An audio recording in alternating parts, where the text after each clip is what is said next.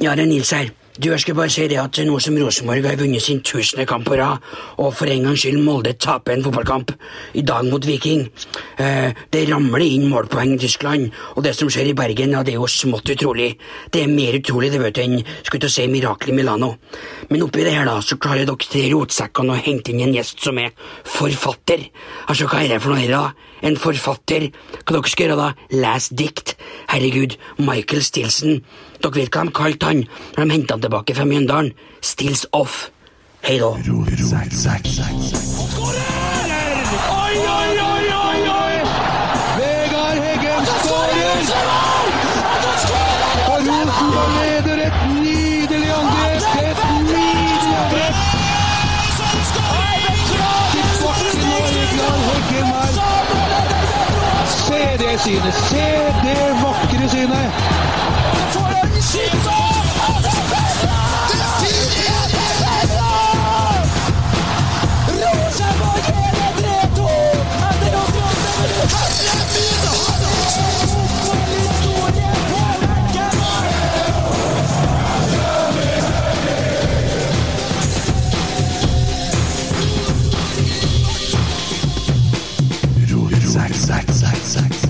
Ja, ja, ja, ja, ja! Deilig seier i Mjøndalen, da, folkens! Hæ? Hei, hei, hei. Det var en deilig seier i Stavanger òg. Ja. Du må jo bare Hva er best? Åh, Den var nesten deiligere, den. oh, ja, det mm. Nei, det var godt.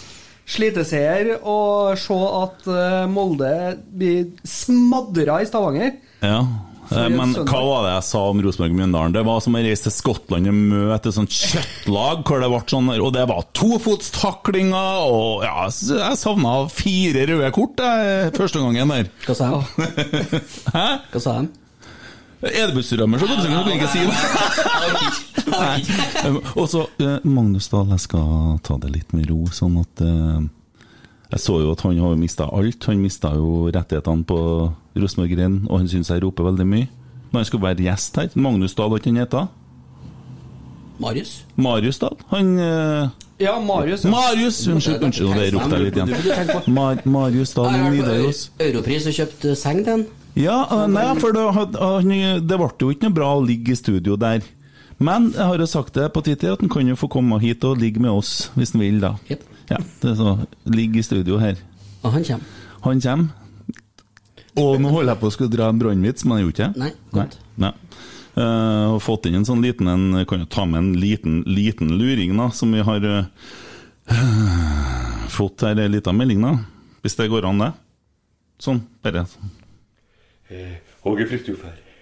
En kort kommentar til det som skjer nede i Bergen for tiden. at eh, Du vet det går dårlig sportslig når eh, man slår et tredjedivisjonslag og nesten hele troppen ryker på en ekstrem fyllekulde med noe krydder attåt, som hender i nakenaktiviteter på matta og i boblisen, som eh, vekker politiets interesse. Så jeg vil bare si en ting til Brann og Bergen og de involverte, og dere trenger det.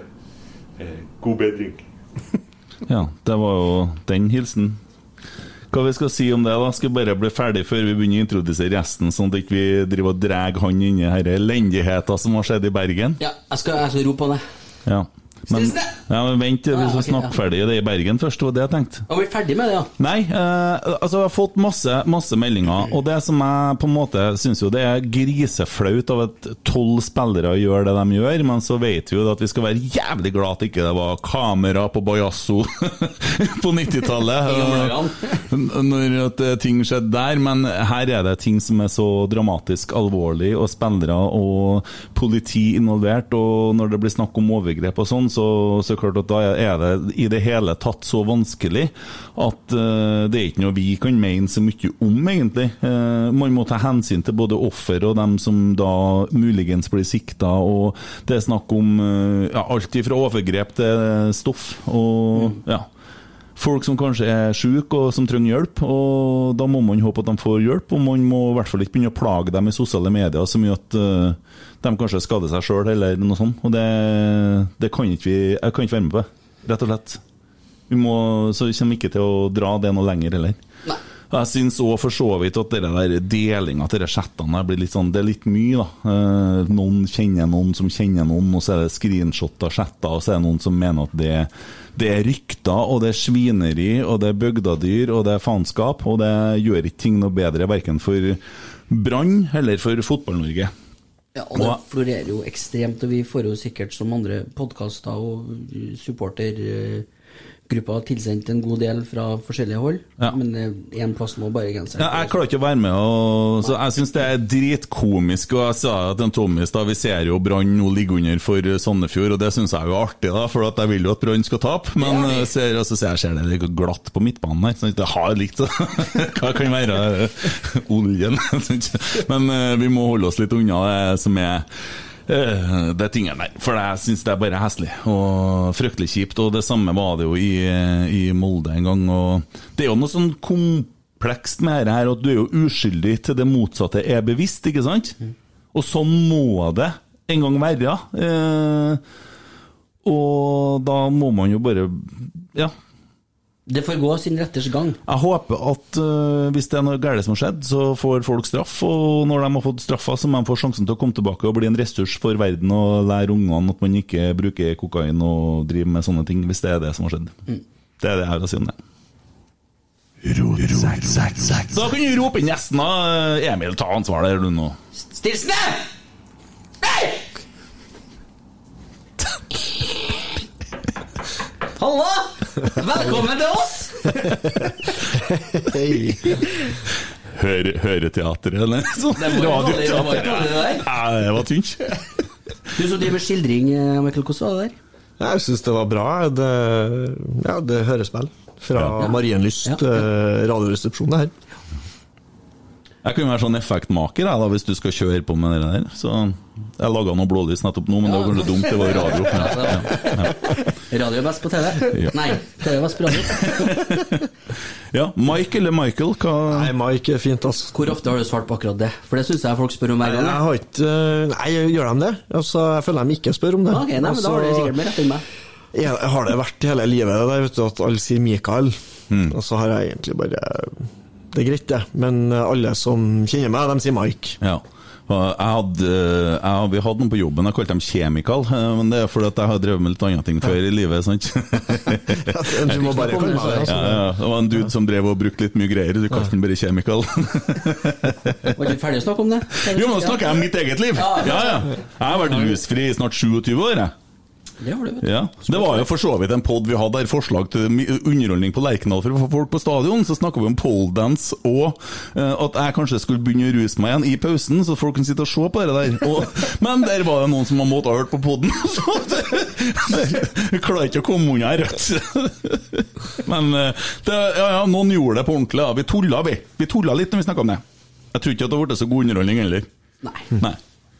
Som du ser da, Mike, jeg sier Mike, jeg. Ja, så har vi vi har en for vane å spore av litt.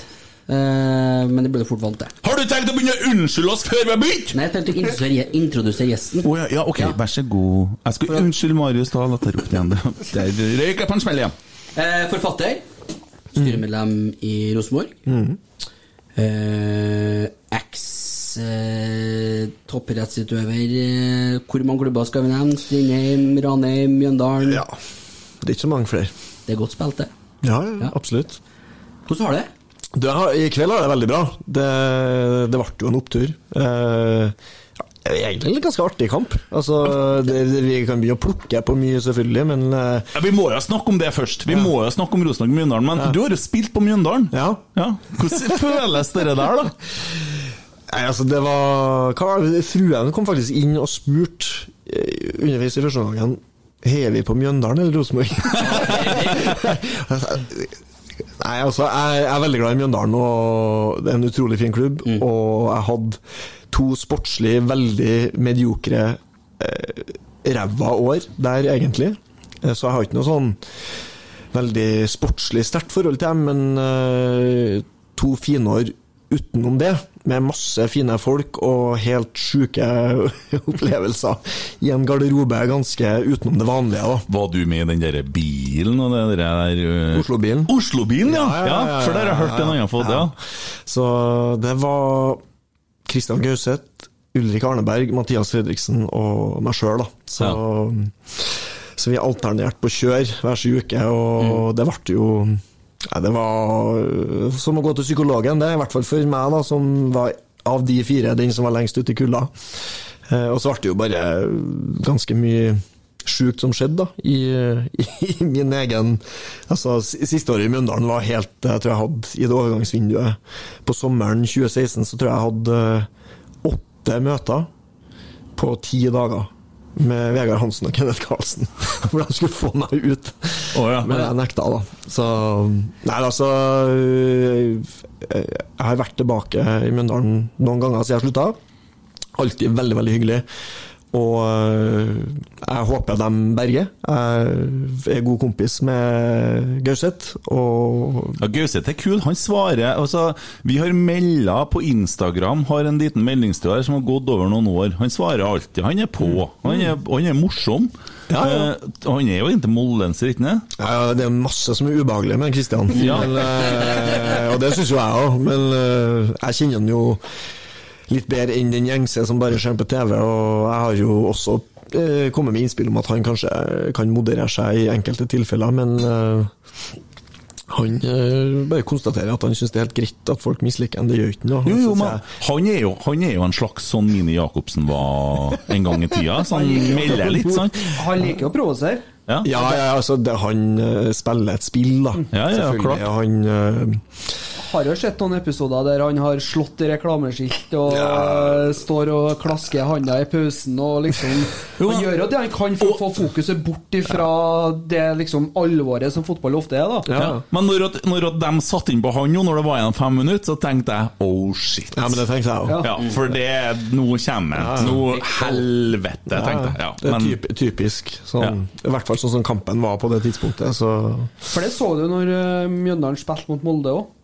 Da var Kristian faktisk jævla god. Selv om han ikke spiller like mye minutt lenger, så du merker at det betyr litt ekstra når eh, Rosenborg og Molde står på motsatt banehalvdel. han er jo ekstremt viktig i den garderoben der, som type. Og ja, Han tar mye plass, men han, han er en veldig veldig fotballklok eh, fyr. Han Hadde han vært litt kjappere, så hadde han ikke spilt mesteparten av karrieren i Mjøndalen. For han er ferdighetsmessig, fotballfaglig veldig, veldig sterk. Og så er han dessverre utrolig treg. og det er, ikke bare, det er ikke bare fordi at han eh, For at han har blitt eh, hva han nå, 37. Det har han alltid vært. ja. Ja, det var jo, og det sesongen her var jo nede på at det ikke ble eh, det, Han har jo egentlig gitt beskjed om at det ikke ble. Og så, eller var det et spill for galleriet? Nei, altså, jeg tror han Det var ikke noe spill for han der. Jeg tror han bare bestemte seg at uh, Nå har jeg Jeg orker ikke å gå på akkord med meg sjøl. Jeg vet uh, hva jeg betyr i den garderoben her, hva jeg har gjort for den klubben her. Og, og hvis de ikke verdsetter det altså En ting er at han ikke har videre salgspotensial og kanskje ikke kommer til å spille hele tida, men uh, den posisjonen han har i ikke bare klubben, men hele det eh, lokalmiljøet der, da. Eh, Så han, ok, Hvis den siste kampen jeg har spilt på toppnivå, var at vi berga plassen hva 30. desember i Eliteserien, Ja. så er det helt greit. Da tar jeg den, liksom. Hvis det er det siste jeg skal oppleve. Så og så når han da sa endelig nei, og Mjøndalen skjønte shit, han mener det er ikke et spill, og lokalsamfunnet og klubben og lagkameratene reagerte, så snudde de, da. Det var de vi hadde i Mjøndalen-podden i dag.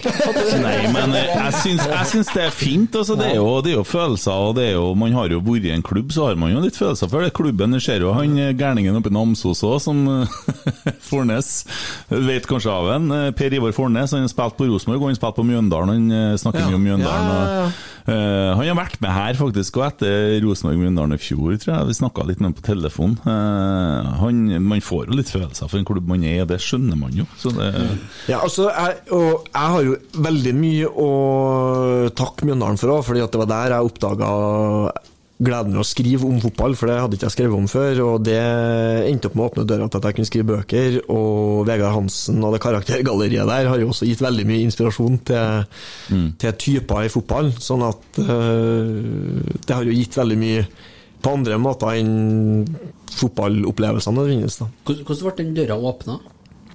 Til Mjøndalen. Nei, altså, den skriver begynte jo Nei, nei, det, det er faktisk ganske bra å snakke om eh, rett etter eh, Rosenborg har slått Mjøndalen på, i Mjøndalen. Fordi da jeg spilte i Mjøndalen, så vant vi jo mot Rosenborg i 2015.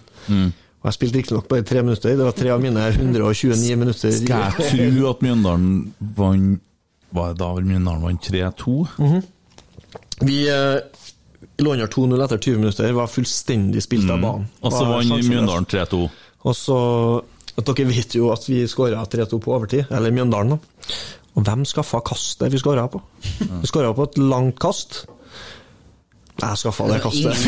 Ingen riggere. Oh, jeg burde ha skjønt det. Du, Emil, hør nå. Svaret er ja. Svaret er ja. Svaret er ja. Svaret er ja på det. Svaret er ja på det. Vi må ha med han fra nå, sånt Ja, det må vi. Er Litt sterkt fra TV 2, men det driter jeg i. Han er genial. Du har hørt den der? Nei. Trenger trenere trenere? De spør en psykolog, og det er psykolog som svarer. Så spørsmålet da, fra journalisten er trenger trenere trenere? Svaret er ja. Svaret er ja. Svaret er ja. Svaret er ja på det. Svaret er ja på det. Jeg svarer han gir mens han rygger. Jeg skal akkurat si rygge inn i en butikk midt på Karl Johan. Det var han Willy Railo, han sånn, som var kjent idrettspsykolog eh, før i tida. Det er legendarisk. Du brukte noe på det, faktisk, ja. Nei, jeg skal Nei, bruk noe! Bruk mer. Jeg har jo nettopp begynt å bruke ja, den! Og så nå har vi den med i flowen her. Tilbake til innkastet. Ja, sorry. Hva var det opprinnelige, spørsmålet? hvordan åpna skrivedøra seg? Ja, jo, fordi at jeg ble oppringt etter For at øh, overs, Det var også den eneste gangen jeg klarte å snike meg med på en forside av VG-sporten. For det er Rett Bernstein, det var en helt sånn sjuk historie, han amerikaneren, som egentlig fikk rødt kort i første runde i cupen, direkte rødt, trodde han måtte sone, og det var de to kampene hvor faren kom fra USA for å se han.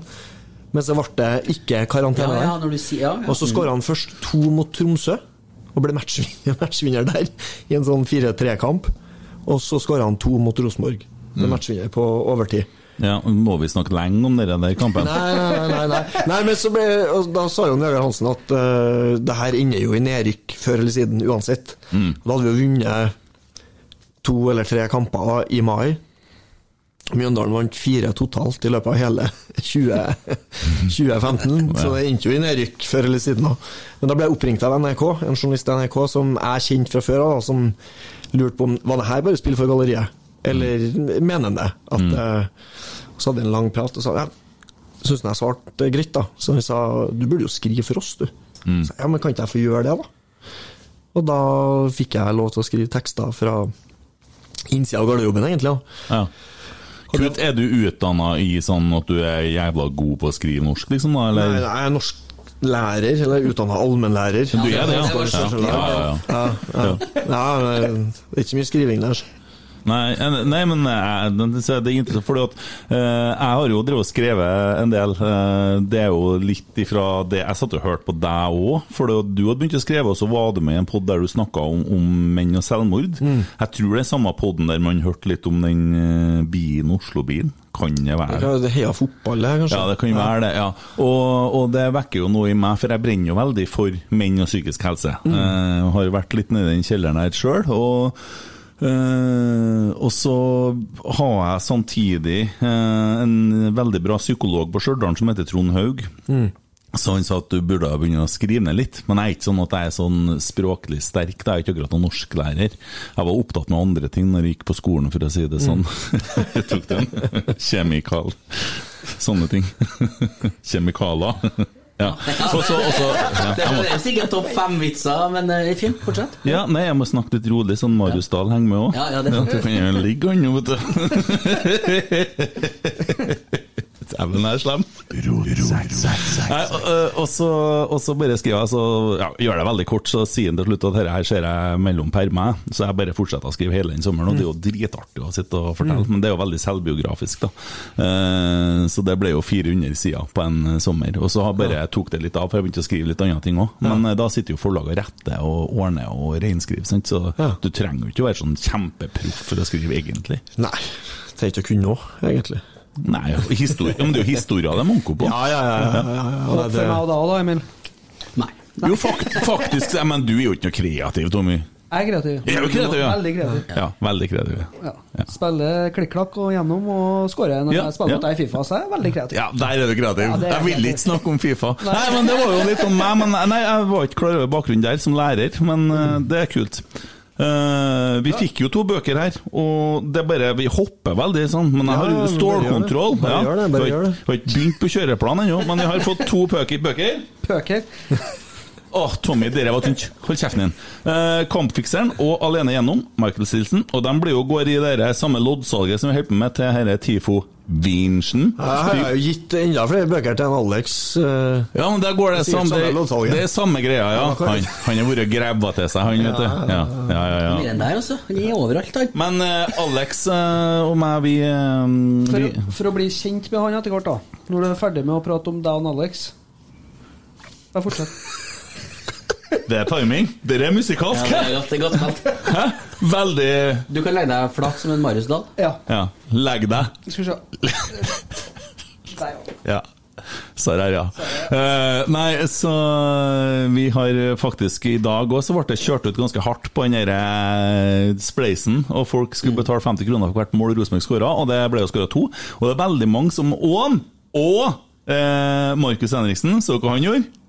Ja. 1000 kroner hvis Rosenborg til tre poeng. Og vi har jo bikka 130 000 kroner sist jeg sjekka. Det er ganske bra, da. Veldig, veldig bra. Ja. Så sitter jeg her og prater, så får vi den Tifo-vinsjen til slutt oppå kjernen. Og, ja. så det er kult. Og det, det der, der går bøkene til òg. Har han Koteng betalt? Kan du snakke med Han han? har ikke betalt. Han har lobba 10 000, han har Ja, ikke ja, Jeg skal betalt. ta det på neste styremøte. Ja. Det er deilig å sette agenda her, kjenner jeg. på styremøtene. Vi. Til opplysning så skåra Brann. De ser fullstendig forvirra ut. De vet ikke hvordan de jubler. For de har jo ikke scora på så lenge. At de har ikke peiling Jo, de har Det er som å De- sykle, det, vet du. Det er som å sykle. Ikke kom med de vitsene der. Nei. Nei da, men det er klart det er jo eh, hyggelig dere der at de klarer å få til et mål. Og det er jo faktisk da ikke mot et tredjedivisjonslag, men mot Sandefjord. Og Sandefjord er jo faktisk ganske god i år. Men nok om det, da! Vi har jo fått inn shitloads Shitloads med spørsmål. Og eh, Følte at du skulle ta over kjøreplanen, og så er vi ferdig med å snakke om Rosenborg-kampen. Vi har ikke begynt å snakke om Ja, Rosenborg-kampen ennå. etterpå. Går det bra med deg? Har du feber, du? Vi må bli litt mer kjent med han vi har med som gjest, tenker jeg. Og det er det du skal? Ja, jeg har lyst til. Ennå ennå Rosenborg, Rosenborg er litt varmt her nå.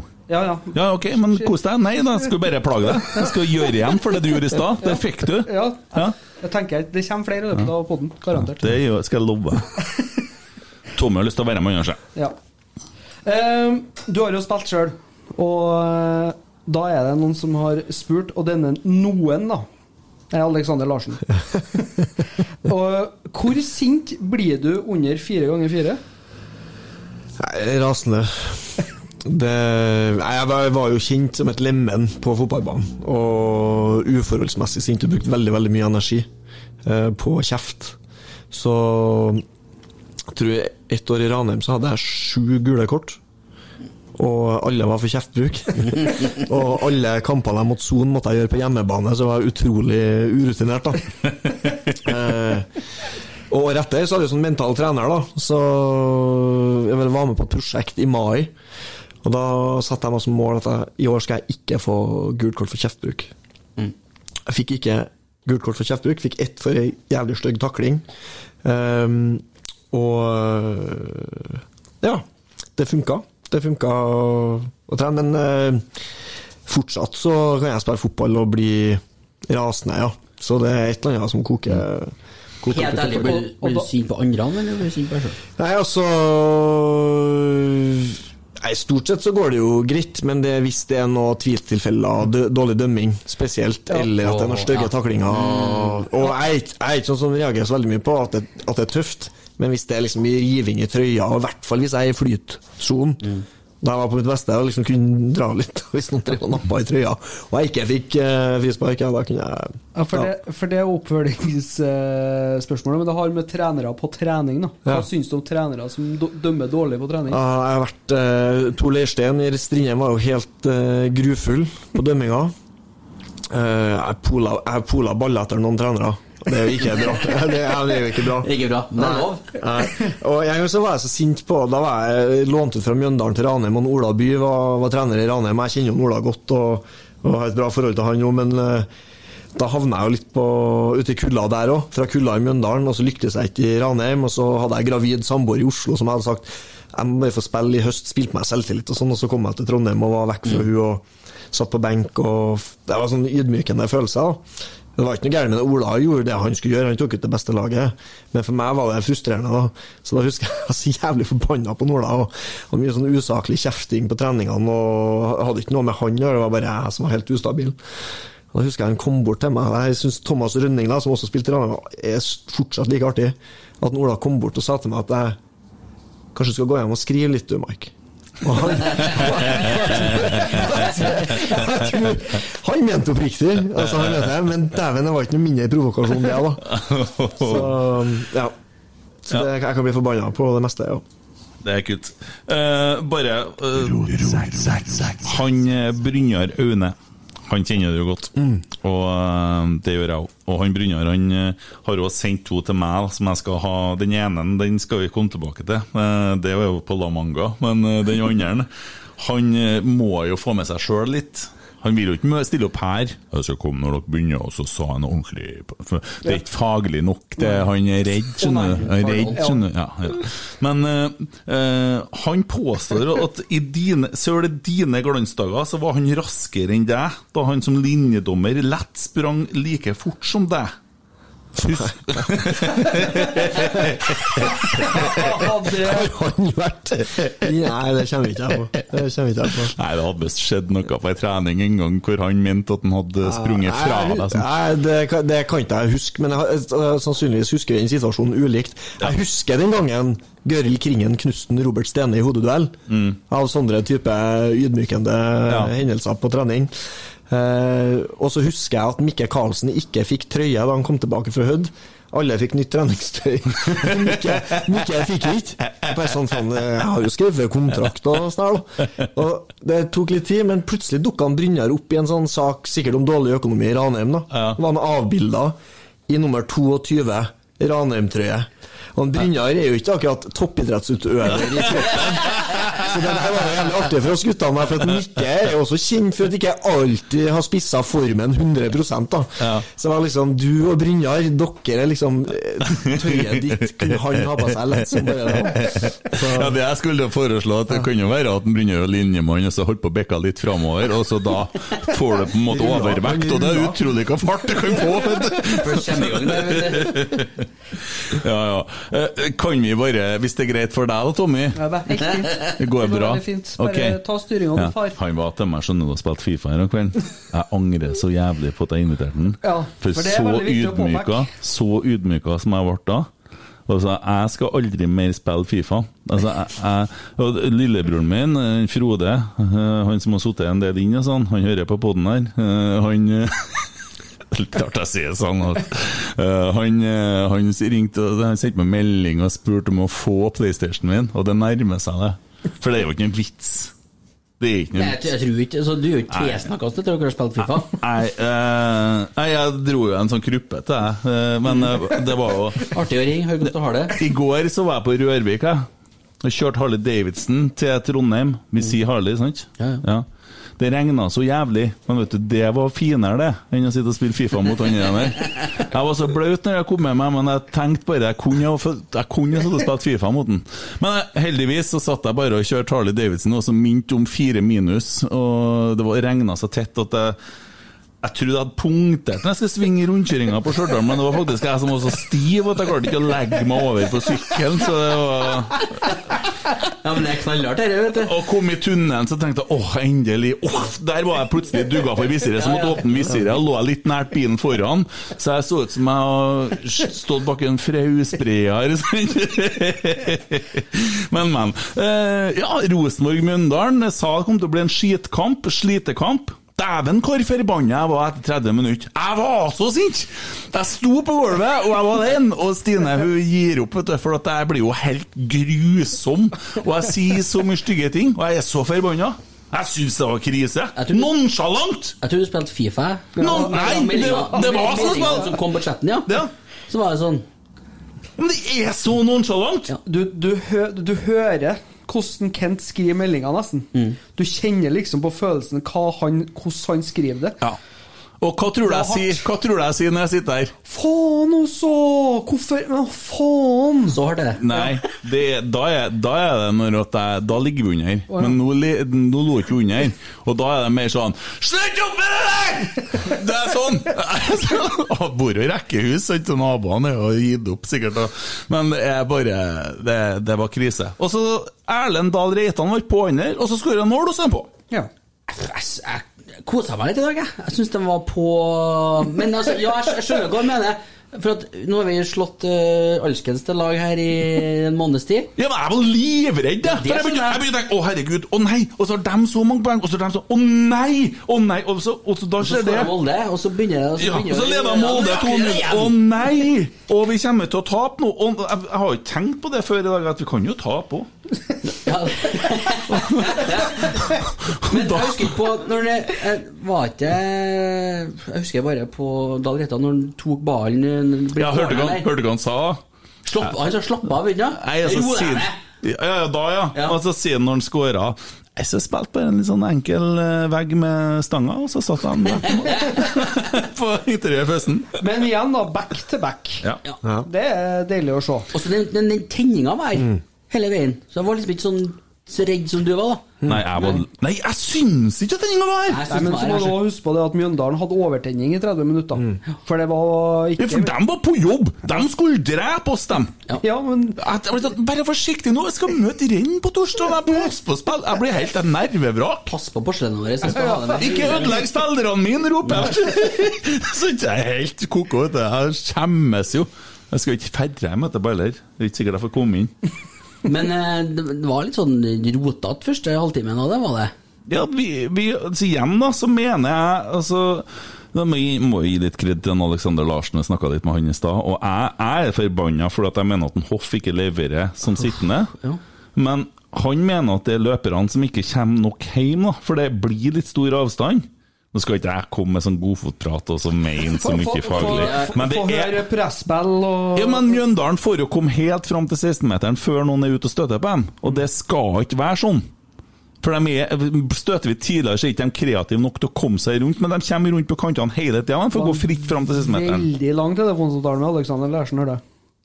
Tror du jeg er helt kokkelig munke sjøl, da? Veldig. Faen for en Hva tenker du? Jeg jeg er egentlig litt enig med deg, jeg- eller med begge for så vidt, fordi Mjøndalen kunne ha, kunne ha fått noe den første halvtimen der. Men jeg, jeg syns det er en litt annen gnist, tross alt. Og jeg hadde mye skumle ballmist og litt sånn eh, pasningsvalg og greier sånn, men det er ganske greit å luke vekk. Altså, mye av det kan du stramme opp og ta tak i, men jeg liker at de i større grad ser framover, fosser framover. Du skjønner, nå blir jeg forbanna, vet du, for nå må jeg mye lage lyd. Han, han, han Emil han tåler ikke at du snakker så lenge i gangen, og han må Det er sånn Minner meg med Kramer i Seinfeld. Ja, bare fortsett, du. Ja, nei, nei, jeg, altså, jeg, jeg syns det er så deilig å se at det slutter med at de har lyst til å spille fotball. Ja. De har lyst til å framover, de har lyst til å komme og bli med i angrep. De har lyst Altså, den lysten der. I mai og juni så følte jeg at det var nesten alltid spillere som ikke hadde lyst. Altså, grua seg til å gå ut på matta. Og det er ikke noe artig å se på. Så når du sier at du var engstelig, og du, men du kjente på noe Det var et eller annet Jo, jo, jo. Vi har ikke glemt juni, og jeg vil det så mye. Og vi har vunnet ni kamper på rad. Vi har vunnet ni kamper på rad, og jeg så noe som skrev Vi har ikke sett Rosenborg så god siden 2015. Og nå får jeg gåsehud når jeg sier det, for noen, og kanskje sier jeg det sant. Fordi at og så tenkte jeg faen Jeg vet at vi skal ikke snakke så mye om sånn uh, trenerens disposisjoner, men jeg forsto ikke hvorfor han ikke Eller du kan ikke mene så mye om det, som vi kan mene veldig mye om det. For at jeg har melda litt med Ingvild i dag på rotsekkkontoen, sant? Emil skårer i dag! Sikker på det? Ikke du, av din tåkedott. Nei. Kom hit, jeg skal Ja, deg. den var dårlig. Den var jævla dårlig. Der, ja. Den var også dårlig. Det var, ja, jeg fikk klaska til litt. Litt. Ja. Men så ble han tatt av til pausen. Jeg syns ikke han var noe dårlig! Men kanskje var han sliten? Det kommer en kamp på torsdag. Ja, det gjør det, men Ja, men så snur det, da. Og så kommer en Anders Konradsen, klasker inn, og vi har to, og vi får 2-1, og vi gjør et bytte som jeg kanskje liker at vi bytter inn en BC med. At, vi, at vi tar bestemmer OK, Det er, en, det er en tøff bortekamp mot Mjøndalen. Det er ikke eh, Altså, Mjøndalen er Se dere kjøttklumpene de setter inn. da Ja. Benjamin Stokke Men det var og- noen tofotstaklinger som kunne fort ha gått fryktelig galt. Ja, jeg vet ikke, var det. Ja, det var det. Men jeg syns det er interessant at uh, den, før den 200-skåringa så har man jo en ganske mm, marginal situasjon hvor vi får et frispark. Altså Holmar får et frispark. Hvor jeg mener at det, det er ikke frispark til Rosenborg. Jeg syns han sparker en Holmar og Holmar That en professional eh, han, Synes det? ja. Jeg syns han eh, Eriksen tar ball, og Ja. Holmar sparker opp igjen. Eh, og, men det er veldig vanskelig å se, for Ja. det er helt sånn marginalt og lettere å dømme frispark til Rosenborg enn å slippe han alene gjennom med keeper. Og det er ikke litt sånn typisk eh, numre når det er sånn tvilsituasjoner. Det er, veldig, for som, eh, det er veldig ofte det forsvarende lag som får de situasjonene. Ja, ja, ja. Sånn er det jo ved holding i feltet òg. Du så jo en Hovland ble revet ned av, eller eh, sprunget ned av to Mjøndalen-spillere. Mm. Og så drar han med seg han ene inn i fallet, og så blir det blest utover. Og det er litt sånn Ja, jeg klarer ikke helt å forstå det. Jeg sier ikke at det er straffe, men da tenker jeg at når det er to spillere som klinker i hop inni et felt, så kan du bare la han gå. Men det er så jævlig fort å blåse det forsvarende lag sin vei i sånne ekle situasjoner. Absolutt. Uh, Mini Jacobsen bare nevner at eh, Netflix har kjøpt rettighetene til en eh, del filmer som finnes fra Bajosso, som har dukka opp sånn i ettertid. Uh, Brann har sponset produksjonen, sånn at eh, det her skal flytte, flykt fokus. Nei, uh, Sandefjord er ganske god, gutta. Eh, Du sitter ikke i kamp, du, ja? Nei, men vi må jo Det står jo på en kamp her. Altså jeg vil tro at Brann spiller som en såra løve nå, og med kniven på strupen og så men Sandefjord de har noe gjennombrudd. De spiller klokt, og de, de har jo en de er en litt tynnere stall, vil jeg tro, enn hva bergenserne i utgangspunktet skal ha. Men Bergenserne har alt å kjempe for i dag. Jeg hadde liksom, Skulle jeg tippa, så ville jeg tippa Brann-seier som umiddelbart, men eh, Kan de spille for alt òg, da, i Brann i dag? Ja. Men så har jeg sett det tidligere. Så Sandefjord er faktisk ganske god i år, da. De eh, blir jo dømt nord og ned hvert år, så Ja. sånn er det. Ja, sånn er vi sa det kanskje i fjor òg. Ja. det var skikkelig avsporing, men det står jo på en kamp her, da. Så, Du skjønner navnet vårt nå, eller? Råtsekk? Ja, ja, ja, det her eh, Jeg prøver så godt jeg kan å henge med. ja, men du vet, vi Men jeg synes det er interessant det er byttet etter pauser som du at, eh, jeg syns Emil er ganske bra, bra jeg. Altså, han, Nå lykkes han oftere og oftere med Og han blir satt opp i bedre og bedre situasjoner.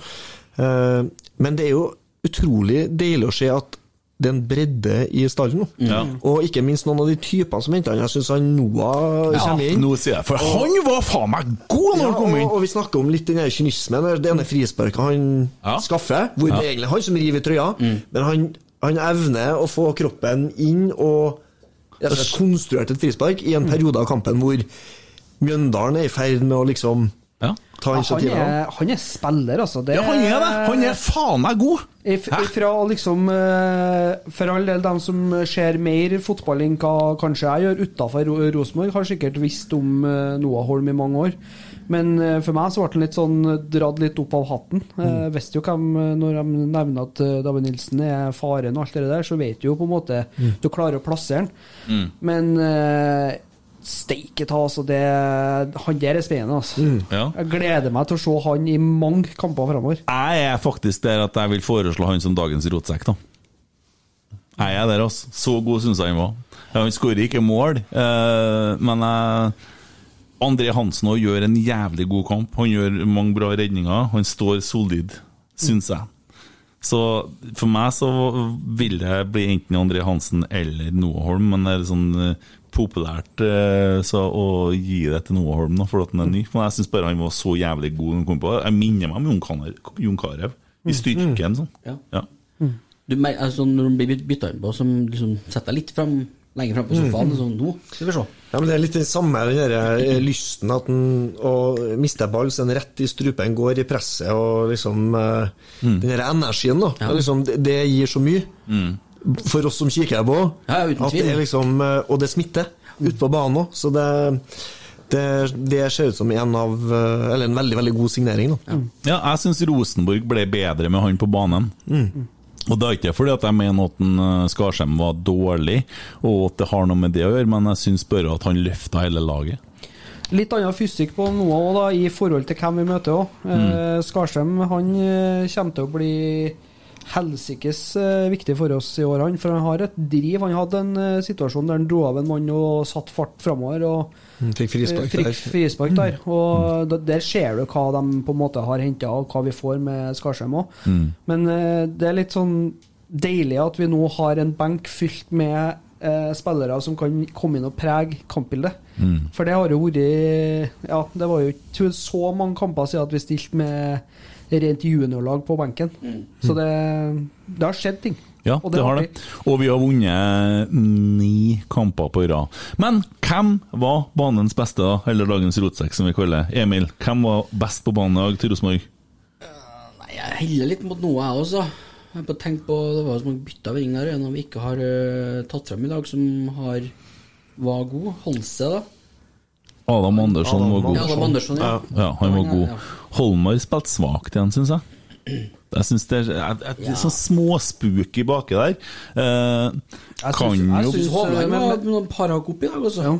Han har heva seg igjen. Ja.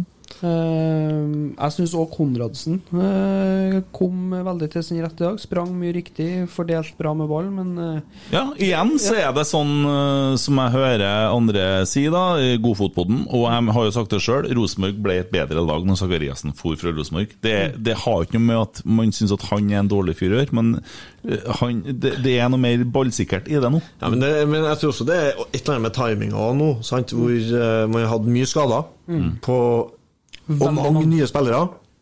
Også hvis du ser lenger enn bare vintervinduet. Du får på plass folk, du får bedre treningsøkter, du får en helt annen kvalitet på det der, og så eh, blir folk bedre kjent, kulturen setter seg. Det er masse sånne ting. Jeg så Markus Henriksen var, pekte jo på mye av de tingene her, som er sånn man skjønner at det, de tingene her henger sammen. Og øh, jeg tror ikke det bare handler om liksom, typen Sakariassen, men øh, vel så mye at du rett og slett får kontinuitet på treningsarbeidet og gode opplevelser på, i match. da. Men det er jo bare å se på eh, de ni kampene vi har spilt. Og vi har jo spilt med veldig mye de samme spillerne på de samme posisjonene, og det er jo noe vi knapt fikk se før eh, Ja, spesielt før juni. da. Og det, ja, det, det er artig å se på Rosenborg nå, for du ser at de vil, og de, de prøver på noe. Og det, det er et helt annet tempo og et helt annet trykk i laget. Dino i dag, da. Jeg liker Dino. Jeg, jeg syns han eh, Han han virka litt mer sånn tung i kroppen i dag, men jeg syns han er god. Altså, du vet at når eh, han er i nærheten av der ballen blir sparka opp, så har vi ballen. Og altså, Kommer ballen mot han, så beholder vi ballen, liksom. Han klarer altså å stå den der, der rollen hvor han eh, tar imot og klarer å få han videre. Og Det- er enorme enorm forskjell på hvordan vi opptrådde i mai og juni, hvor veldig mye av oppspillene mot Dino var fra andre. Sant? Og vi var heller ikke der at vi fikk flytte etter laget. Så fikk enorm strekk, han var helt alene. Ganske håpløs jobb. Um, nå kommer jo oppspillene fra midtbanespillere eller fra Forsvaret, og vi har tort å flytte opp folk. Jeg tror du ser en eh, Andersson at han plutselig er mye bedre. Det er litt mer frislipp offensivt. Og så har det ikke forplanta seg i selvtillit hos flere spillere samtidig. Ja. Eh, Noah Holm, Ja. mm. skal vi bare gjøre det? Skal Ja. vi gi en blåsepistolfanfaren? Ja. Mm, det er Du får ikke svar, Mark. Så det, Det her er spilt på blåsepistol i et verksted, men det er så fint.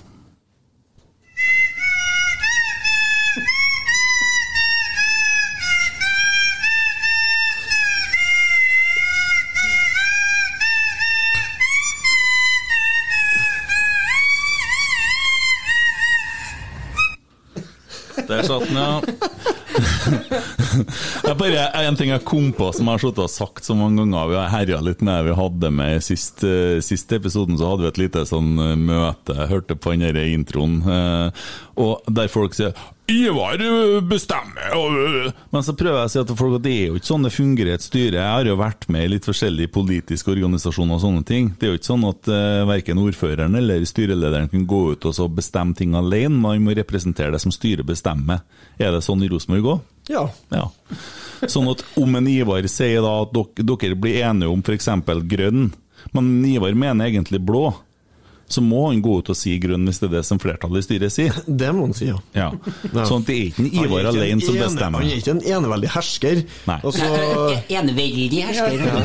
Veldig, veldig. ja, nei, på, ingen- på ingen som helst måte, så Nei, for dere, Der er jeg så lei av. Jeg liker Ivar Kotteng. Jeg sier Kotteng fordi jeg er fra Bjugn, og der er vi Kottengsvatnet, og vi forholder oss til Kotteng. Med, det er sånn det er jeg snakker. Det blir litt morsomt også. Men jeg, jeg syns han er flink, da. Jeg syns han er solid, og jeg syns han har stått veldig bra. Men så syns jeg jeg blir sånn jævla urettferdig at folk skal liksom drive og så ja, det- Og så er det liksom Kan ikke folk lære seg hvordan et styre, hvordan funksjonene henger sammen? Ja, og så tror jeg, tror jeg sant, en Ivar eh, gjør ikke det bare lett for seg sjøl når han eh, Sånn som den der Åge-perioden i, i sommer, når uh, en Ivar trakk fram arkivering som liksom et argument for å for beholde. Det er klart at Så kan man tenke faen, det sier jeg, men saken er at det er en veldig vanskelig eh, greie å, å kommunisere. Fordi at det er ikke sant, hva, hva vil Norge, og hva vil klubben, osv. Så, videre. så Så noen ganger så må man bare det, si ting utad, og så behandler man ting internt. Og så en Ivar tåler noe der, han, han er sånn Ja, ja, jeg sier noe. Ikke sant? Så, så Nei, nei men det, det jeg, jeg kjenner på det at eh, sant, jeg, jo, jeg kjente jo ikke Ivar før jeg kom inn i styret der. Og du har en tanke om eh, hva slags type det her er. Og så når jeg kommer inn i styret Jeg er jo ikke noen styremann i det hele tatt. I styret i borettslag og litt sånne ting, men eh, Men det, det må jeg si at jeg legger jo merke til at folk er veldig kritiske til styre og stell i Rosenborg, og jeg har full forståelse for det. Men jeg, jeg må si at det styret som jeg sitter i nå, i hvert fall, og det er det eneste jeg kan snakke for, for jeg har ikke vært med på noe av det andre, er et veldig kompetent styre, og har veldig mange ulike kompetanser. Og så er fotball en jævlig rar bransje å holde på i, og Rosenborg er enda mer spesiell enn de fleste klubbene i Norge. Så jeg syns det her med trener trenerjakt og alt sånt her, det, det er kjempefascinerende. Det, det yrket i både internasjonal fotball og i Norge er jo helt sånn Det er jo helt snålt. Jeg fikk en eh, statistikk tilsendt for var 2016, og sånn, jeg skulle gjøre, kanskje gjøre et prosjekt med NRK. da.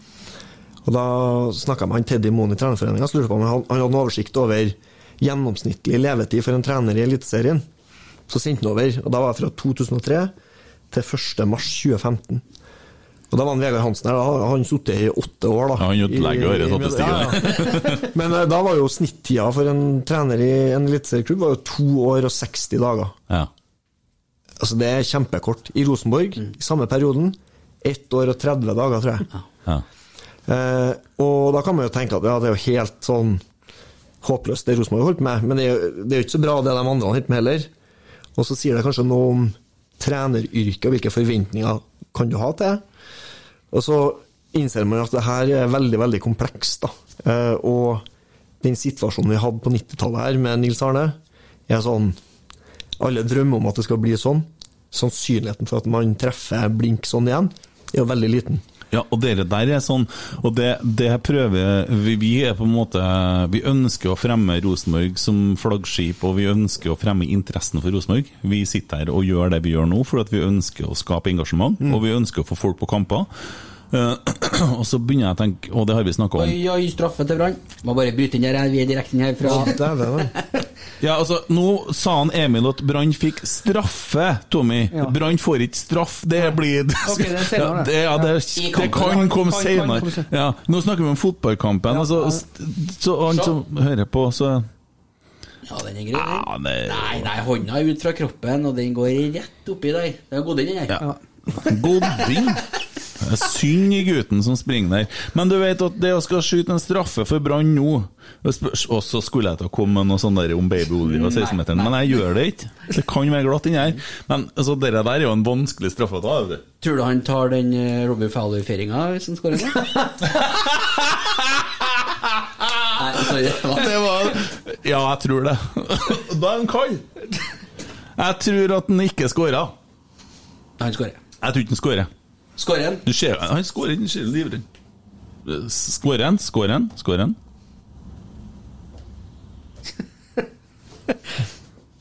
Oi, oi, Hva oi! keeperen gjorde der, da? Panenka, er det det? Panenka? Nei, det er ikke en Panenka, nei. Nei, når du hopper. Nei, men Nei, Panenka er er chipen midt i Ja, mål. ja, så, ja. Ja, ja. Nei da, men det er noe sånt. Det ble da 3-2 til Brann, ja. Det kan jo hende at Erik Erik Horneland har starta gjenreisninga. Men uh, hvor var vi igjen? Jo, uh, og så tenker jeg på det at uh, i forhold til det med Rosenborg Jeg snakker om Rosenborg, jeg snakker om styre Og så snakker vi om fortid og framtid. Er det noe sånn at den fortida vår, da, som er stor som vi kan si fra 4-95 når vi begynner å spille Europa, og fram til vi ikke spiller så mye i Europa, faktisk legger en mørk skygge over det vi har nå?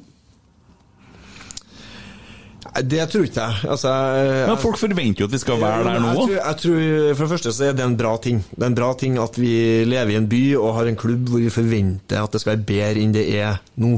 At vi forventer at vi skal kjempe om gull, at vi skal spille festfotball. Det er et pre, det er kjempebra. Og så hørte jeg i sted, når jeg drev og prata om statistikkene, så høres jeg ut som en styrefyr da, som skal Som- som det er. skal, ja, og, så- og som skal, skal liksom forsvare et eller annet. På ingen måte. Det jeg prøver å si, da, er at Eh, kontinuitet trekkes veldig ofte fram som en sånn jævla viktig suksessfaktor i fotball. Eh, og så viser det seg at kontinuitet på trenersida er veldig sjeldent i fotballklubber. Både i Norge og i Europa.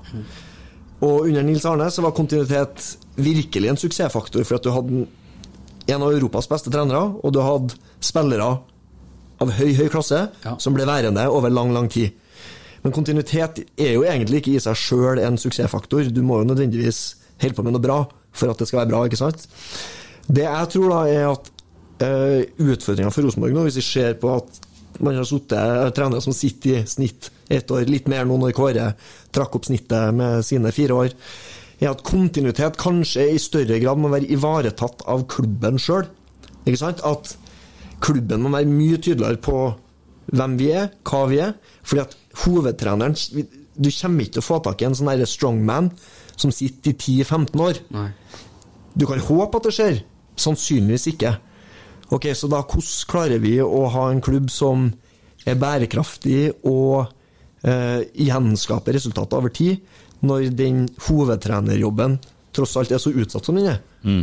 Og, og det å knekke den koden tror jeg er noe av det viktigste vi gjør som klubb nå. Fordi at den frustrasjonen, jeg tror ikke den handler om Nei, men jeg, jeg har vært sånn Jeg elsker Åge Hareide. Altså, jeg var så glad når Åge Hareide kom til Lerkendal. Jeg er så glad i Rosenborg at jeg kom og sto på brakka når han kom. Jeg, jeg er så glad i Rosenborg.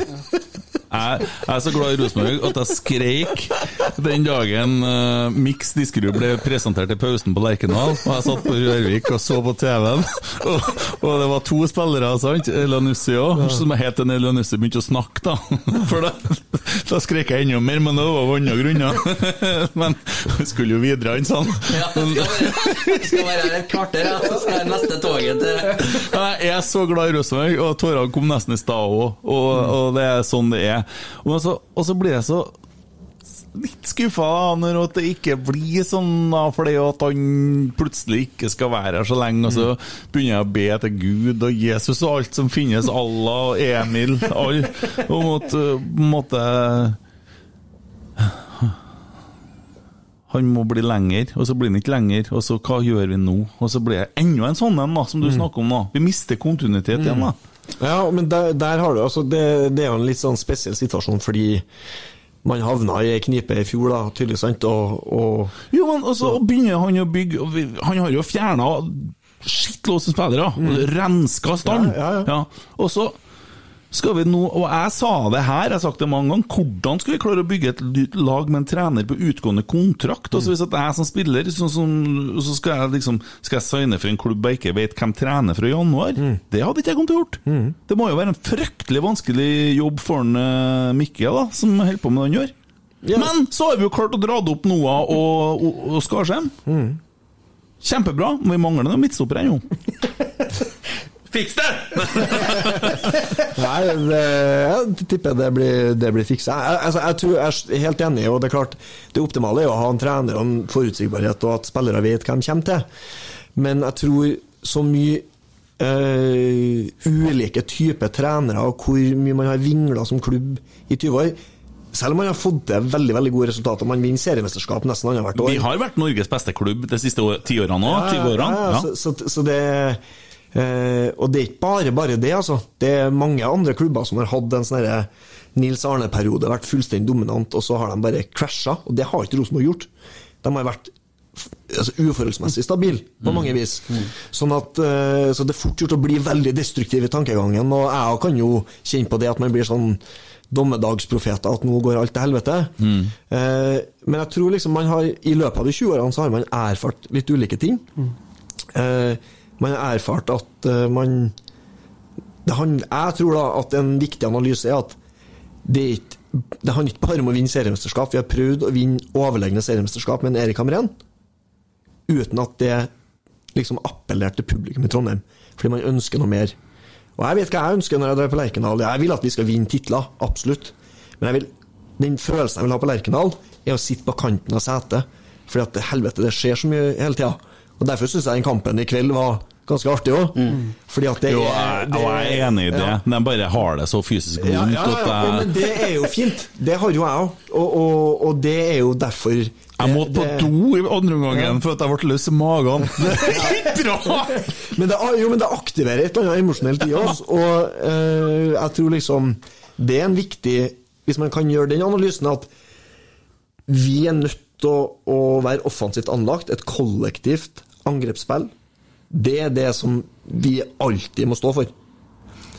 Så må vi ta konsekvensen av det. Og da snevrer du inn lista på hvilke trenere du kan rekruttere. Fordi at trenere er forskjellige der. Noen shore up ank altså, Men jeg har et forslag da, som dere, jeg løser her for dere nå. Så jeg forteller deg oppskrifta, hvordan vi løser det. For vi står i en situasjon nå. Snakk med Åge, og så få han til å bli fram til juli, for da er Knutsen gratis. Bodø-Glimt de ryr jo opp nå, det ser vi. Det, der, det treet der vokser ikke høyere uansett. Og det er bare tjuvflaks at de plukka tre poeng mot Lillestrøm i dag. Garantert. De klarer ikke å gjenskape det de har gjort. De klarer ikke det. Er så enkelt. men, men uavhengig av sant, Nei, men Da gjør vi det sånn, OK? Ja, ja, ja, ja. Forleng, forleng har jeg det fram til sommeren, så vi får, så får en, altså, Kanskje betaler ut en Knutsen, da. Så Hiv noe penger på bordet her nå. Ivar! Ivar! Hiv noe penger på bordet! Blir det en Knutsen, eller? Kan vi det? Hm, hm, hm? Svaret er ja. Svaret er ja. Svaret er ja. Svaret er ja på det. Svaret er ja på det. Ja. Det er ikke så lett å snakke når du holder på sånn som jeg her, Sorry. Nei, nei, men det, jeg syns det er fint, da. Det, men eh, ak akkurat det der med trenerjakt, så tenker jeg at eh, man må måtte finne ut hvem man er. Og så tror jeg Rosenborg fordi at alle vet hva Rosenborg skal være, alle kjenner godfotteorien, alle kjenner postulatene, det er nedfelt skriftlig, så har man sånn tanke om at kultur sitter i veggene. Men så er kultur i aller høyeste grad en levende, et levende vesen som må jobbes med. Og, så jeg har en surdeigskultur hjemme i kjøleskapet. Jeg må ta den ut, jeg må lukte på den og se på den og liksom jobbe med den. Sånn er det med Rosenborg-kulturen òg. Og jeg tror eh, kanskje at man Den jobben man gjør nå, er så viktig for å Det du sier, da. Når man skal rekruttere Hvis du ser på det er Sikkert ikke lov å nevne Molde her, da. Jo, jo, Men, jo, men, men, men Molde har en sportslig, veldig gjenkjennelig profil. Jeg skulle spørre deg, skjønner du, et spørsmål som ikke står der. Ja. Kan vi lære noe av Molde? Det er jo livsfarlig å svare på en sånn Nei, det er ikke det. Nei, nei, det. nei, men jeg, faktisk så ja. Fordi at de Ikke at man skal gjøre akkurat det samme, men man kan lære av Molde og man kan lære av Glimt. De har to litt ulike modeller. Eh, men likevel så har de en så sportslig forutsigbarhet, da. Spesielt Molde, siden egentlig Ole Gunnar kom inn i 2011. Så vet du hvordan de jobber. Så en ung spiller som spiller i Stabæk eller hvor enn, og, og kanskje kunne ha gått utlandet, tenker at ok, Molde som mellomsteg, ja, for hva skjer der? Jo, tydelig filosofi på hvordan de ønsker å spille fotball. De ønsker å spille ballbesittende, de ønsker å være offensiv anlagt. Der kan jeg liksom hone mine ferdigheter for å være enda bedre rusta når jeg tar steget ut. Klart det er attraktivt. I Glimt òg, så ser man ok, shit, her kan jeg komme inn i et kollektiv. Du ser hva som skjer med spillere som er helt medioker, eller sånn helt ok eliteserie Obos-ligaspillere. De blir klasse i Glimt. Ok, jeg vil være en del av det.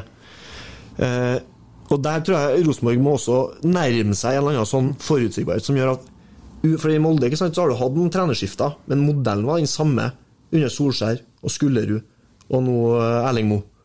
Så du har eh, Skåra Brann igjen, eller? Ja, ser ut sånn? Nei. Nei, det er sånne repriser. Ja, ja.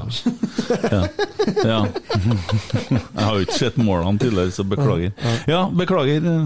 Nei, nei, altså det Så jeg, jeg tror den derre Det å finne ut hvem man vil være, uavhengig av hvem som er hovedtrener, er veldig viktig. Og jeg ser det spørsmålet også, liksom, om hvordan man jobber med akademiet og, og planene der, og tanken om trøndere og alt sånt. Men jeg tror den eh, det må forankres gjennom hele klubben, så, kan, mm. så ting henger sammen. Ja. Man har en tydelig tanke Men om hva man Du vil. Du ser jo at Molde er veldig god på å hente spillere til klubben og erstatte dem som fær, og Ja, at de har en veldig tydelig plan på det de gjør. Mm. Og den planen har ikke vært så tydelig i Rosenborg. Nei, den har, det, det, har det skal du slippe å svare på, tenker jeg. Men Det er, Nei, du må ikke- hjelpe ham! Gæren enig i det. Men det er ikke hans ansvar. Kan du se Nei, men det jo- vi diskuterer jo hvordan det har vært. Hvorfor har klart å få til det i Trondheim? Nei, det er jo det som er spørsmålet. Har vi noe å lære av Molde? Ja, uten tvil. Ja, det er jo det som er spørsmålet. Sorry. Sorry. Ok, ja, men jeg har trykt på det. Ja. Nei, Jeg skulle bare si at jeg er helt enig. Ja. Så gæli er han jo. Du mangler den derre biten der. Ja, for jeg, jeg tror liksom at eh, Jeg tror helt sikkert at eh, det kommer til å gjøres en god jobb med rekruttering av neste hovedtrener, og at man kommer til å finne en god løsning på det. Eh, Men over tid, da, det langsiktige perspektivet, så må vi sørge for at vi er en klubb som er forutsigbar. Altså at den, nesten så at Mikke kan holde på med sin uh, scouting, spillelogistikk, uavhengig av hvem som ender opp med å være hovedtrener. Fordi at en hovedtrener Du kan finne helt riktig mann, men av ulike årsaker så får han sparken etter et år. Vet, så Det har skjedd før. Gode trenere får sparken fordi at det er et eller annet som skjærer seg, eller noe som ikke funker. Sånn er fotball. Men da må vi sørge for at når neste trener kommer inn, så er det ikke omveltning, og du må kvitte deg med halve spillerstallen, og du må Fordi at den treneren du da henter inn, korresponderer med den filosofien som klubben hele tida styrer etter. Eh, og det er helt opplagt at det, mener jeg, da, må være kollektivt tufta angrepsspill. Altså det Glimt holder på med. Og, eh, og Molde på sitt beste ikke sant. Og også det her med Når man får til det, så tenker man at enten må vi vinne titler, eller så må vi liksom spille offensiv fotball. Men det er jo ofte sånn at i Norge, hvis du klarer å få til et godt kollektivt angrepsspill, så vinner du titler. Og i hvert fall i Rosenborg, fordi når Rosenborg begynner å gjøre det der, og unge spillere, og også gode eliteseriespillere som kanskje ikke er gode nok for å ta det steget direkte ut, men som kanskje Rosenborg er det store steget for dem, så faen, der spiller de attraktiv fotball. De spiller en type fotball som jeg vil være en del av. Så gjør de noe med spillerekrutteringa òg. Og spillere nå de er mye mer sånn, de blir ikke solgt på Rosenborg-navnet i seg sjøl. For at de har så mye andre valg. Hvis du er god nok for Rosenborg, så har du sannsynligvis muligheten i Nederland eller Belgia eller Tyskland, andre Bundesliga. Ja.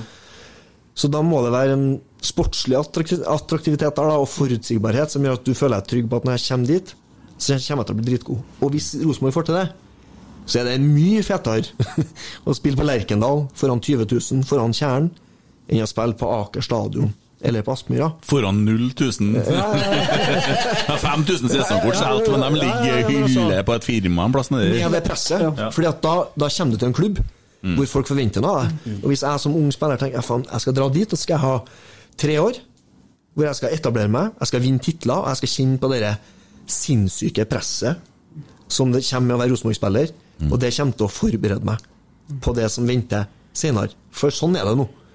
Gode spillere i Rosenborg, dem mister vi. De aller fleste. Ja. Men, men blir det òg litt sånn da at man må tenke litt sånn rød tråd helt ifra G16-nivå? Altså, det er vel det laveste altså, Skulle du si aldersbestemte laget vi har i klubben.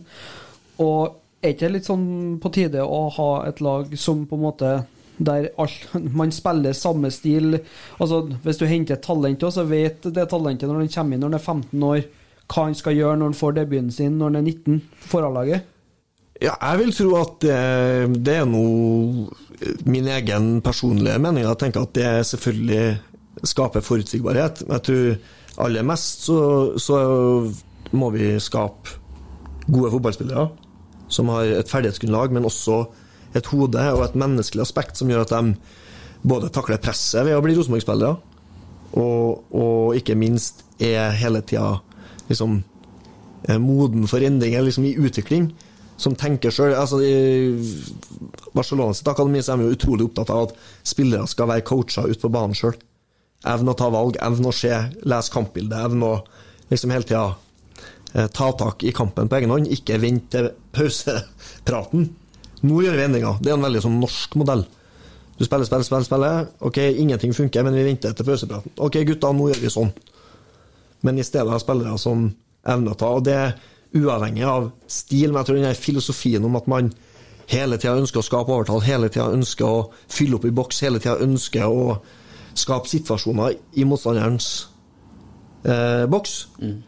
Og det som et sånn derre Når vi skal være defensivt solid, så skal vi være det fordi vi er så jævlig offensiv at motstanderen ikke sant, kommer seg ikke ut.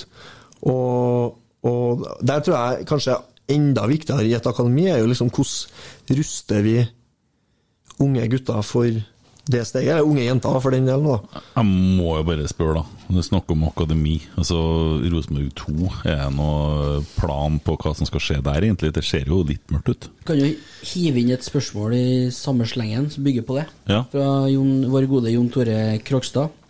Noe av det det er flere spørsmål hit, altså jeg tar dem alle, så får du bare formet et svar etter hvert. eh. Altså, Er du opptatt av akademiet? Eh, Diskuteres det på styrenivå om hvordan gjøre akademiet til Norges beste? Har du sjøl tanker om hvordan man skal løfte akademiet noen hakk oppover? Og er det riktig å sende et juniorlag på banen i andredivisjon? Svaret ja. Svaret ja. Svaret er ja, ja. ja. Ja, det er gode spørsmål. da. Eh, Det første er jo helt opplagt. Jeg er veldig opptatt av eh, akademiet og hvordan vi, hvordan vi drifter der. Og, og det siste spørsmålet, er det riktig å si at du, jeg, altså, Planen har hele tida vært, tror jeg, at eh, sånn som jeg har forstått det, i hvert fall, at A-laget skal sende spillere til Rosenborg 2. Og så er det en helt snål sesong med periodevis veldig tett kampprogram, som gjør at det er krevende. Eh, Og det er A-lagstreners privilegium hvor mange man sender. Og når du har hatt mye skader på A-laget, så blir det krevende å få med masse spillere på Rosenborg 2. Om det er bra for et juniorlag å drive og tape og tape og tape og tape og tape i andre divisjon, jeg tror kanskje ikke det. Man trenger i hvert fall noen positive opplevelser. Men jeg tror ikke det er liksom, det er ikke helsvart heller. Hvis man jobber med de riktige tingene, så, så skjer det noe med dem tross alt. Altså Det er en utvikling i de spillerne. Eh, Og Jeg har vært med på det sjøl, som junior sjøl, og se hvordan man trøbla i starten. Jeg har vært med på Rosenborg 2-sesong i 2005, hvor man liksom kunne slite, og det var veldig ustabilt. Og så kom man til høsten, og så plutselig, bom, stabiliserte man seg. fordi at 16-17-åringer tok noen massive steg i løpet av veldig kort tid, som jo kan skje. Så det er ikke liksom svart-hvitt der om det er he helt idiotisk å la dem tape og tape og tape og tape. Men jeg tror jo man trenger noen positive opplevelser som kjenne at man mestrer. Men hvor viktig er det for Rosenborg å ha et lag i den divisjonen? da? For det at hvis det her fortsetter, så rykker vi jo ned en divisjon der. Og hvor, og, men samtidig ser jeg at Molde, Bodø-Glimt, mange har jo lag, andrelaget i den divisjonen. I andre divisjon. I, ja, altså, har jo ja, det som blir da tredje nivå. Også, ja. ja. Det der er også et uh, godt spørsmål. Man tenker jo at det beste er å bli matcha på høyest mulig nivå. Andredivisjon er ganske høyt. Det, det er strengt tatt ikke så enorm forskjell på liksom, topp Post Nord og eh, opp til Obos-ligaen. Det er ganske liten forskjell. Og det er ganske liten forskjell egentlig på det steget fra Obos nå til eliteserie. Til topp eliteserie så er det klart det er et større gap. Um, sånn at uh, Ja, det, det beste er jo å berge plassen. Jeg tror ikke Jeg tror ikke det er liksom krise. Det er, ikke, det er viktigere nå å, å etablere en modell for hvordan du ønsker å utvikle spillere. Og jeg mener at også den herre eh, Hvis du skolerer spillere godt, uavhengig av om de spiller andredivisjon eller juniorserie eller hvor enn, og får dem til å bli liksom jævlig gode til å absorbere læring, jævlig gode til å tilegne seg det fotballspråket, så, så er det langt viktigere enn nødvendigvis nivået de blir matcha på. Og så tror jeg en annen ting som jeg syns er interessant, er jo hvordan når vi jobber med utlån av spillere, og den planen vi har for spillere som forsvinner ut til seniorfotballen andre steder, for at de ikke tok det direkte steget opp til A-laget, som vil gjelde for de aller fleste spillere i Rosenborg Akademi. Det er veldig få som vil ta steget direkte opp til A-laget. Men det å observere Jeg syns Jens Petter Hauge-historia er ganske interessant, for han ble lånt ut fra Glimt som veldig, veldig ung, til Ålesund. Spilte ikke en skit, sant, i Ålesund, i Obos-ligaen. Ganske mange norske klubber hadde fått tilbake en sånn spiller, som hadde vært på kontrakt med eliteserielag og sagt avskreven. Fikk jo ikke spille i Obos-ligaen engang. Men hvis du har jobba med unge spillere mye, og sett stegene de tar på slutten av tenårene fram til midten av 20-årene, og du tenker faen, han flytta hjemmefra for første gang, bor på en hybel, han er i spillergruppe hvor han ikke kjenner noen. Altså, kan ha skjedd et eller annet modning med han gutten her som Hvis han hadde vært her, så hadde ikke det skjedd. Men når han har vært der, ok, han har ikke spilt, men la oss se hvem han er når han kommer tilbake. Og så vet vi hvordan det gikk med han. Det er ikke sikkert at det skjer men den mentale modninga Alexander Sørloth, samme storyen, sant? Trodde Glimt var helt ute i kulda der, bodde i en hybel i kjelleren første gang han laga frokost og middag og alt sånt sjøl. Fikk ikke spille, men måtte gjennom et eller annet ubehag som gjorde at han, når det først løsner, så har han skjønt et eller annet. Og det å akselerere den utviklinga her, som gutta får seinere, Veldig ofte så kommer det i midten av 20-årene, du skjønner faen, det er sånn de må gjøre det for å bli god. Mm. Bare. CS og Brannspadden står og holdt i hverandre. De har nettopp vunnet 3-2, og publikum synger sikkert en av de sangene deres, da, som eh, sånn Uh, vet ikke hvem heter Brannsangen, men det var veldig fint. Det ser utrolig mye rørte folk, og det betyr veldig mye for Bergen. Og må jo innrømme at det betyr mye for norsk fotball å ha Brann i den divisjonen. Selv om det er artig at de rykker ned, så er det artigere å slå dem. Så det, og ikke minst eh, hedersmann eh, Horneland. Å se han eh, få tre poeng i dag det, på en, etter en sånn uke, det, jeg syns det er fint. Bare for å nevne det. Ja, må, må bare nevnes. Kan du ikke bare fortelle om når du lurte Tom Nordli på lag mange ganger? Eh, jeg har jo holdt på med det der eh, Begynt Jeg har alltid lurt folk, da. Blitt hyra inn av søstera mi til å drive og det er jo ikke alle som liker kunsten prank call, men eh, jeg har alltid satt pris på den. Og så husker jeg vi, Da jeg spilte i Strindheim, så var vi på noen treningsleirer. og Første gangen var vi i Empuria Brava, en sånn liten kanalby, ferieby utafor Barcelona. Det var helt dødt der på vinteren. Og så bodde jeg på rom med Terje Næss Kjøsnes, som er lillebroren til Arve, som er fysio i, i Rosenborg nå. Og eh, vi fikk rom på én etasje, og så hadde resten av guttene rom etasjen over. Det var ganske ungt Strindheim-lag, da. Jeg tror jeg faktisk var eldst. Fra 2007 til to, det her var 2009, så gikk jeg fra å være den yngste på A-laget omtrent, til å bli den eldste. Men, eh, men da fant Terje ut at vi må kødde litt med guttene. Så da ringte jeg til alle rommene, egentlig, og så var jo herre spanske resepsjonistdama Senorita Martinez. Eh, og ringte for å informere meg at There is a problem with your towels. Uh, it seems we have uh, given you the wrong towels in the room, so if you can come down to reception and uh, immediately. Og da var det sånn at Vi kunne gå og stille oss i en, og se når de kom ned til resepsjonen med sine skitne håndklær i tur og orden, og det er slengt på det er disken til denne intetanende resepsjonsdama som ikke skjønner hvorfor kjente han ned med skitne håndklær til meg. Og så ble det fulgt opp med at vi lurte For Trondheimsøren sitt juniorlag kom litt ute i uka. da, Thomas Dale, da, som er i Avaldsnes nå. Men han Ja, ja, det er en god kompis til meg, faktisk. Ja. Ja. Han Thomas Dale hadde jo sånn superstrikt naziregime på de jentene. her, De var jo ikke ute av rommet etter klokka ti. Men det var sånne små TV-er på rommet, så da ringte vi et av noen av guttene som kjente de her jentene. da. Plukka dem ut ei som jeg skulle lure, og så ringte vi og sa at det var noe feil med TV-en. At de hadde ikke eh, signal oppe i femte etasjen, så vi måtte plugge ut TV-en og komme ned i resepsjonen med. Vi kom ut én gang, og Thomas Dale drev og patruljerte ute i eh, Hva, hva skal du med TV-en der? Nei, han ringte fra resepsjonen og Nei, gå og legg deg og gjør det i morgen. Så måtte vi tilbake og ringe opp igjen, og så til slutt så kom han ned med TV-en. Satt den lille TV-en på resepsjonen, og da var hele A-laget til Strien ned i lobbyen og liksom ga stående applaus. da. Men så ble det en Brynjar han, han hadde jo uh, hørt om det her. Uh, og han Arve òg, fordi at en Terje hadde fortalt en Arve om det. Så han Arve hadde så jævlig lyst til at jeg skulle lure en Åsmund Bjørkan. Første året på La Manga, jeg var helt ny i Ranheim, 2011 her da. Og vi klarte å lure Åsmund, uh, men keepertrener Kjetil Høsøyen han hadde fått nyss her, og han så sitt snitt til å liksom få ei stjerne i boka hos Åsmund, så han avslørte den. Vi skulle få han Åsmund til å gå med passet sitt ned til liksom, lobbyen her. da. Men året etter så fant Brynjar at vi måtte uppe det litt. da. Vi måtte ta en Tom Nordli, han var trener for Kongsvinger, og de var her samtidig. Og Brynjar eh, har vært mye i Sandefjord. Hva er det? Er noe, et eller annet Uh, broren min bor i Sandefjord, kan være noe der? Ja, det var et eller annet han var Ja. tilknytta Ja, ja. Så at han kjente Tom litt, for han vært der da Tom var sånn, trener ja. i, i Sandefjord. Okay.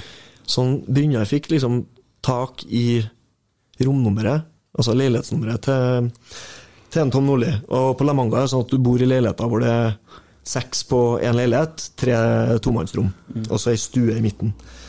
Så det var Champions League-kveld. Det var Napoli mot Chelsea, et eller annet sånt. Sluttspill, eh, sikkert åttendelsfinale, vil jeg tro. Og så samla hele Ranheim seg i den her eh, stua, og så skulle vi lure Tom Nordli.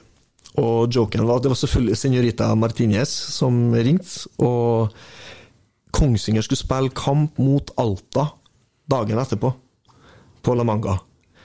Og det vi ringte og sa, var at eh, banemesteren The groundskeeper is saying that you, uh, Senor Tonnoli and Kongsvinger have not been cleaning up the water bottles on the pitch after the practice every day now. Og eh, for På La Manga så får du jo utdelt sånne vannflasker, og de er jo, det er jo søppel overalt. da Du bare drikker og pælmer og tar dem nye igjen. Og, so, but uh, yesterday it was uh, so bad that uh, the groundskeeper say you cannot play the game against Alta tomorrow. Nei, eh, Tom Nordli bare Ok, but this is not true. I've been to La Manga. 15 years now, you can speak with Manolo. I know Manolo, bannemann som jeg. Manolo, and he will tell you that there's never any problem with uh, my pitches after uh, after uh, practice. And I know because uh, me and my kitman, we went after practice and picked up all the water bottles. So, okay, are you saying that? Yes. Sa "What, uh, what pitch was it? Uh, it was uh, pitch D. Okay, but there was a team training directly after us, and it was Ranheim. og det der hadde ikke vi tenkt på, men det var jo en gavepakke. Så, så da sa jeg Aha, so you are saying it was Ranheim who was uh, throwing the water bottles after the practice? No, no, no, no, no. I'm not saying it. I'm just saying we cleaned up every bottle and Ranheim trained after us.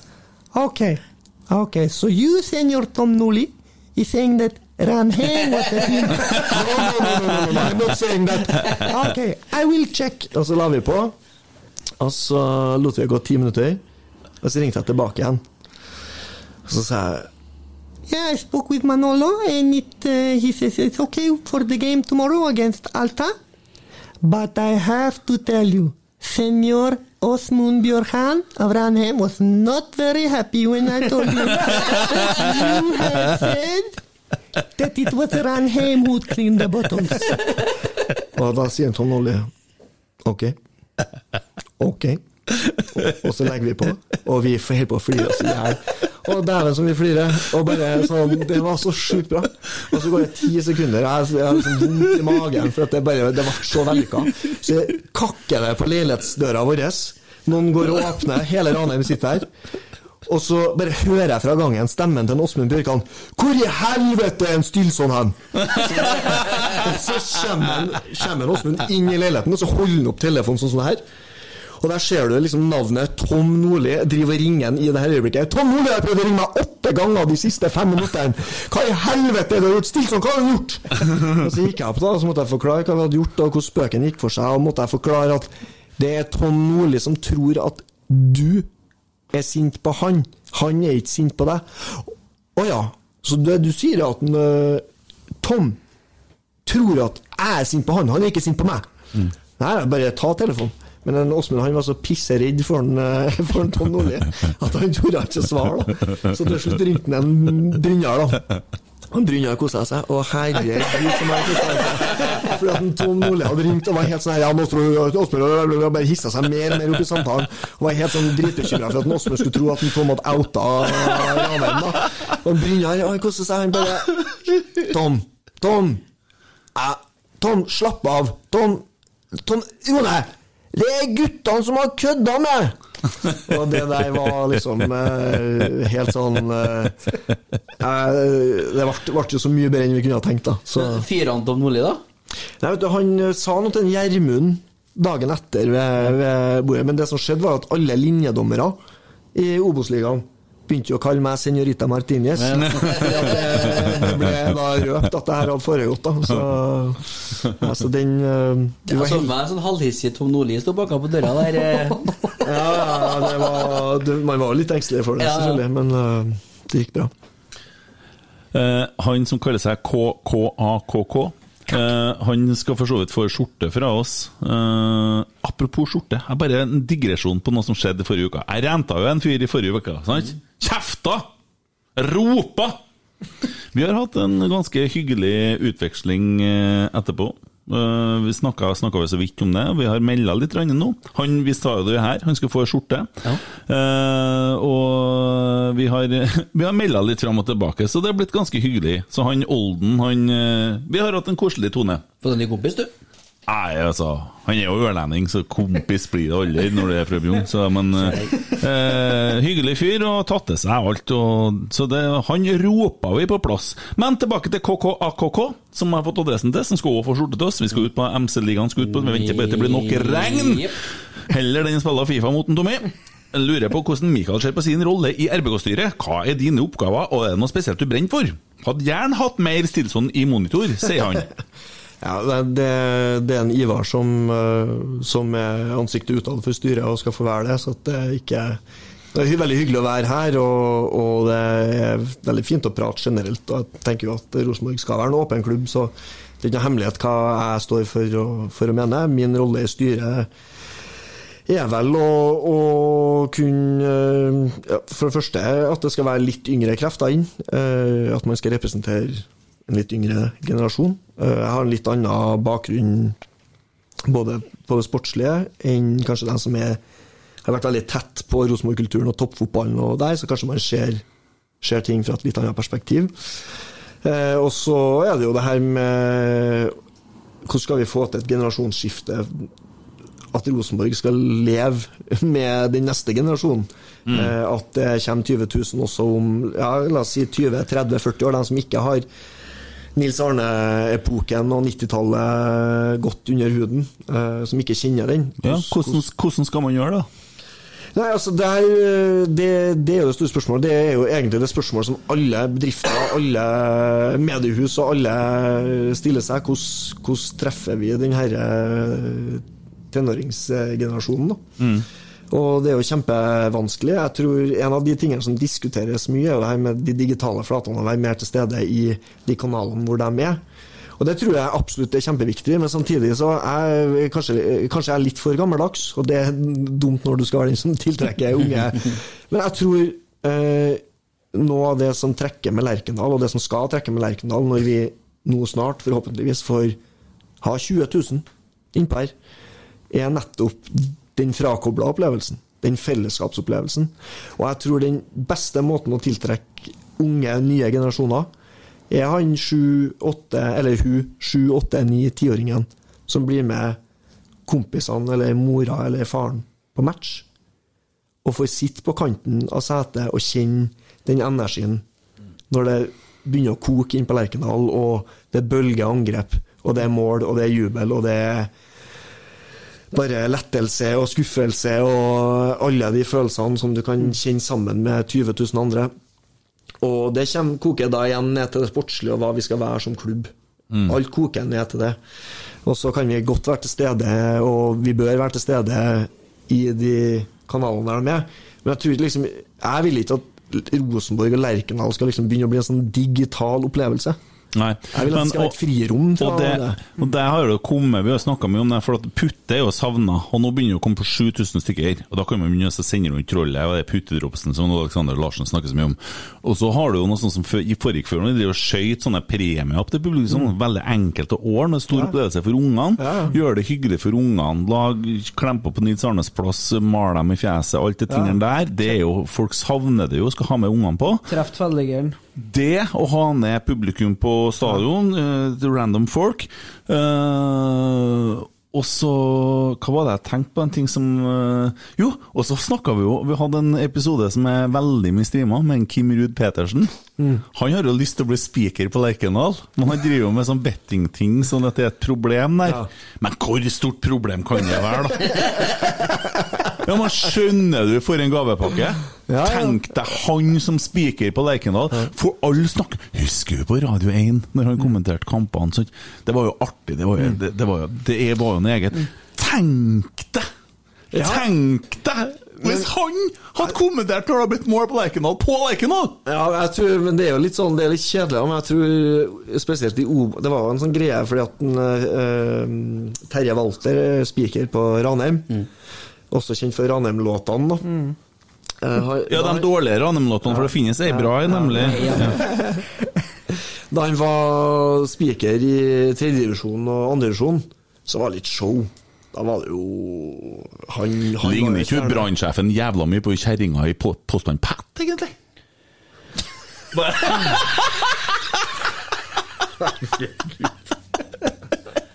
jeg, jeg har jo barn i alderen her. Det har ikke noe Nei, det er jo- Alderen på daglig leder til ja, nå, nå,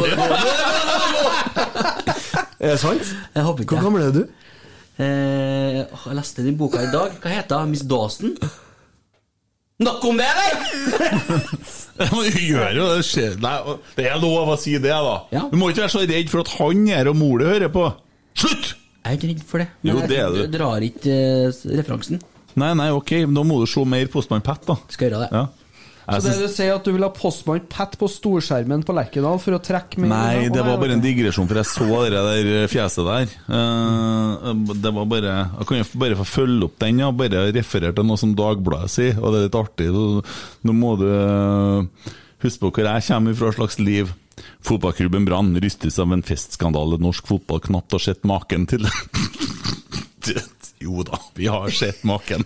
Det, det, det, det. Det har vært en fest og to før òg. Ja. Det det er dumt. Det er Dagbladet, ja. Men sånn har det blitt. Ja. Skrivemessig, ja. ja. Um, ja nei, nok om det. Um, tenk deg om Kim Ruud Petersen har kommentert på Lerkendal.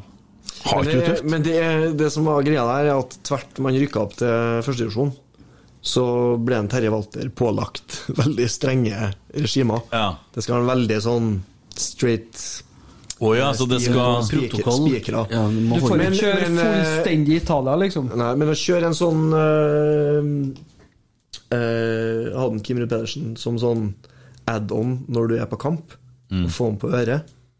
Ikke på stadionlyden, men at man hadde hatt det som et tilbud. ja Men jeg tror også, eh, sånn som eh, jeg husker veldig godt at vi pleide å høre førsteomgangene på radio og tusle ned fra Moholt ned Dybdalsveien og komme inn gjennom porten gratis gjennomgangen i Klokkesvingen.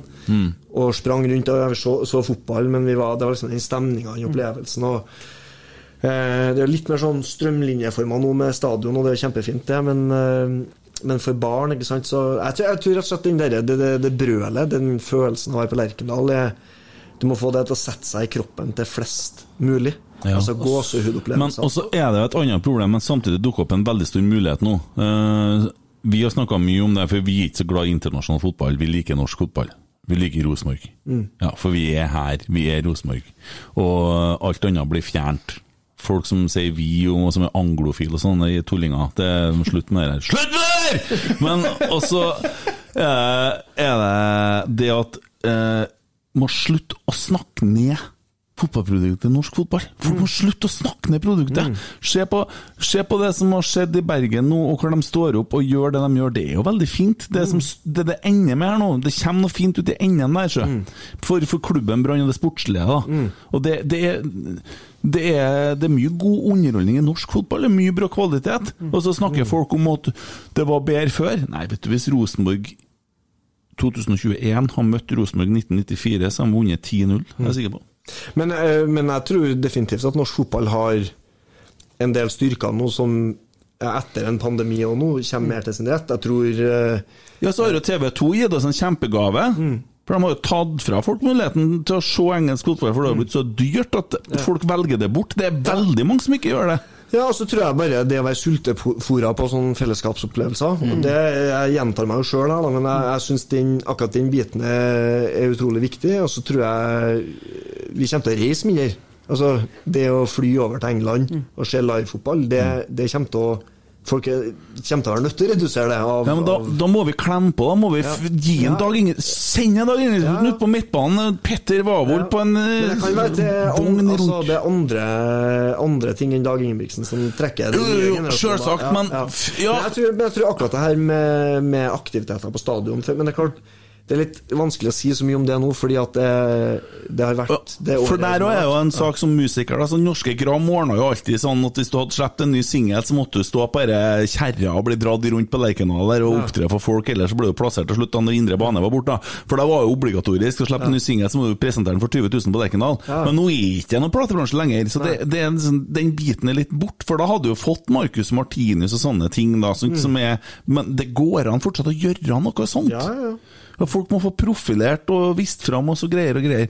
Vi må og Ja. servere øl på stadion, sjøl om ikke jeg drikker. Jeg tror ja, folk vil helt sikkert eh, altså de her storskjermløsningene og digitale ting og eh, gamification av ulike elementer. Absolutt. Der tror jeg vi kan eh, sikkert gjøre masse veldig, veldig kult. Ja, men det er jo, du hadde jo, men det, og det er jo klart at det kommer sikkert tilbake igjen når pandemien og ting åpner igjen. Men du hadde jo Kahoot, eh, vi har hatt eh, Kahoot er sånn skjermdrit! Ja, ja, men det var Ta bort de skjermene! Jeg, jeg tror du må ha skjermene for å få med dem yngre. Gamification-messig. Ja. Trenger ikke være i pausen nødvendigvis, men kan før og etter. Og, Ja, altså Det kan være til og med at du Gamification av kampopplevelsen din. At, eh, at har du Rosenborg Fantasy, liksom, eh, som er tilpassa yngre målgruppe, f.eks. Jeg, er veld, jeg er veldig anti-skjerm på kids. da. eller, eller hvis jeg kan styre Hvis jeg kan få kontroll og styre, styr Dino Dino på tribunen. Det er frekt. Ikke du, da, for du men, Men, men det skal sies sånn at eh, jeg syns sånn som eh, Jørgen og Eirik i, i medieavdelinga holder på å gjøre en kjempe, mm. kjempeløft på Veldig bra. Og den rettssaken, der Ja, ja, er, ja. der er, de- tøffe, altså. Å være på innsida der, og det er masse typer. Og det er liksom det der Den gjenkjenneligheten, det å bygge profiler, det å være klar over at vi er avhengig av det. Fordi at fotballen vil aldri være Du vil alltid få mer valuta ved å se sluttspillet i Champions League enn Altså hvis du tenker rent fotballfaglig kvalitet. Eh, så du må bry deg om de spillerne du ser på. For da blir plutselig Ok, du tåler en dårlig touch, og du tåler noen feilpasninger. I større grad. Og Så er det med 2500 i kjernen og kok oppi Ja, der. og der må vi gjøre noe for å få folk til å bli med i kjernen igjen. Vi er nødt, altså, for å få flere medlemmer inn i kjernen, så må vi gjøre noe. Rosenborg må hjelpe kjernen til å gjøre det mer attraktivt å bli med i kjernen og stå der og synge. Fordi at eh, det, det, medlemstallet var litt Jeg skulle gjerne sett at det var større. For det husker jeg hadde med onkelbarnet på Lerkendal første gangen, og litt sånn bevisst så kjøpte jeg billetter øverst, og så Jeg går ikke på LL. Han har ikke peiling når han kjøper billetter. Nei. Det er bare lott. Han heter ikke opp Ja. ned på stadion når du ser på kartet her i hele tatt. Du som ikke vet hva som er forskjellen på opp og ned Oh, ja, du som ikke med Det vet du hva? Når at du kjøpte billetter, jeg hadde med ungene en gang, så satt vi jo midt i skuddlinja. Jeg måtte begynne det ble, Jeg var jo redd. Ja, når vi satte oss bakom målet her, ja. Jeg oss bakom bak målet. ja. Jeg fikk bare beskjed om å kjøpe øverst Opp og uh, attmed gjerdet. Men Det var så høyt, nei, øverst og så høyt den rakk, da, vet du. ja, Jeg skal jo se, jeg òg. Jeg og ungene. Nei, men Jeg hadde med onkelbarnet på kamp, og da satt vi så nært som det går an å sitte kjernen uten å stå oppe her. Og han ble veldig fascinert over kampen, for det var mye mål, og Rosenborg vant, så det var god stemning. Men samtidig så, så så jeg at han satt nesten halve kampen og så på kjernen, for han syntes det var så artig. Så det å ha et skikkelig eh, kok der og god stemning eh, på de kampene når du skal ha med noen for første gang, det, det er viktig. Bare en sånn Alexander Larsen, og vi må nevnes innimellom det siste spørsmålet vi får med. Eh, spør Mark om en hendelse på Esso Strindheim da en kid stjal capsen hans, og hva han ga for beskjed til Mark når han spurte om å få den tilbake. Kort. Ja, ja, det var hadde, Det var ikke en caps, det var ei lue. Som det sto Jævlig stygg lue, som jeg var sikkert eh, Jeg tror jeg var, jeg var 18 eller 19 på et tidspunkt der. Stygg lue fra Isfit, sto kompis på den. Oransje og svart skrift. Nei, på det tidspunktet jeg trodde jeg at den var ganske fet. da Hva sikkert da. Jeg gikk rundt med den, ja, og så var jeg på Esso på Moholt, ja, som er like ved der jeg bor. da Og så jeg skulle jeg fylle bensin, sikkert. da Og så var det noen rånere som kom. Og en av dem jeg, jeg, jeg husker bare at han tok lua. Mens du fylte bensin? Nei, nei, jeg, sto, jeg hadde sikkert vært inne og betalt, jeg, jeg husker ikke. Jeg var inne på stasjonen i hvert fall. Så tok jeg en lua. Fra faen? Så jeg Fra hodet, lua. liksom? Fra hodet, ja. Bare plukka lua av hodet. Hva faen? Jeg har ikke peiling på hvem det var. Og så bare eh, tok han lua, og så sa jeg Gi meg lua. Og så sa han Et drit. og, så, og så bare jeg bare, Hva faen? Altså, jeg var med ei venninne, og så bare Hva er det som skjedde der, egentlig? Og så kjører jeg forbi, da. Så jeg står her og kikker. For Det var ikke så viktig for meg i lua, men jeg bare ble så satt ut av hele situasjonen. Så ruller jeg ned vinduet, han sitter i baksetet. Ruller ned vinduet, og så bare rekker han fingeren til meg. Jeg bare, Det der er det snåleste jeg har opplevd. Ja. Ja, og det var, det var ingen eh, i hvert fall eh, mente provokasjoner. Det var i så fall bare mitt uh, utseende. Kan være nok, det. Lua. Ja. Hvilket Ja, lag lag spilte du på den gangen? Strindheim. Ja, Kanskje han kom fra en annen bydel og bare hata Strindheim? Nei, jeg tror Men det var, det var storyen?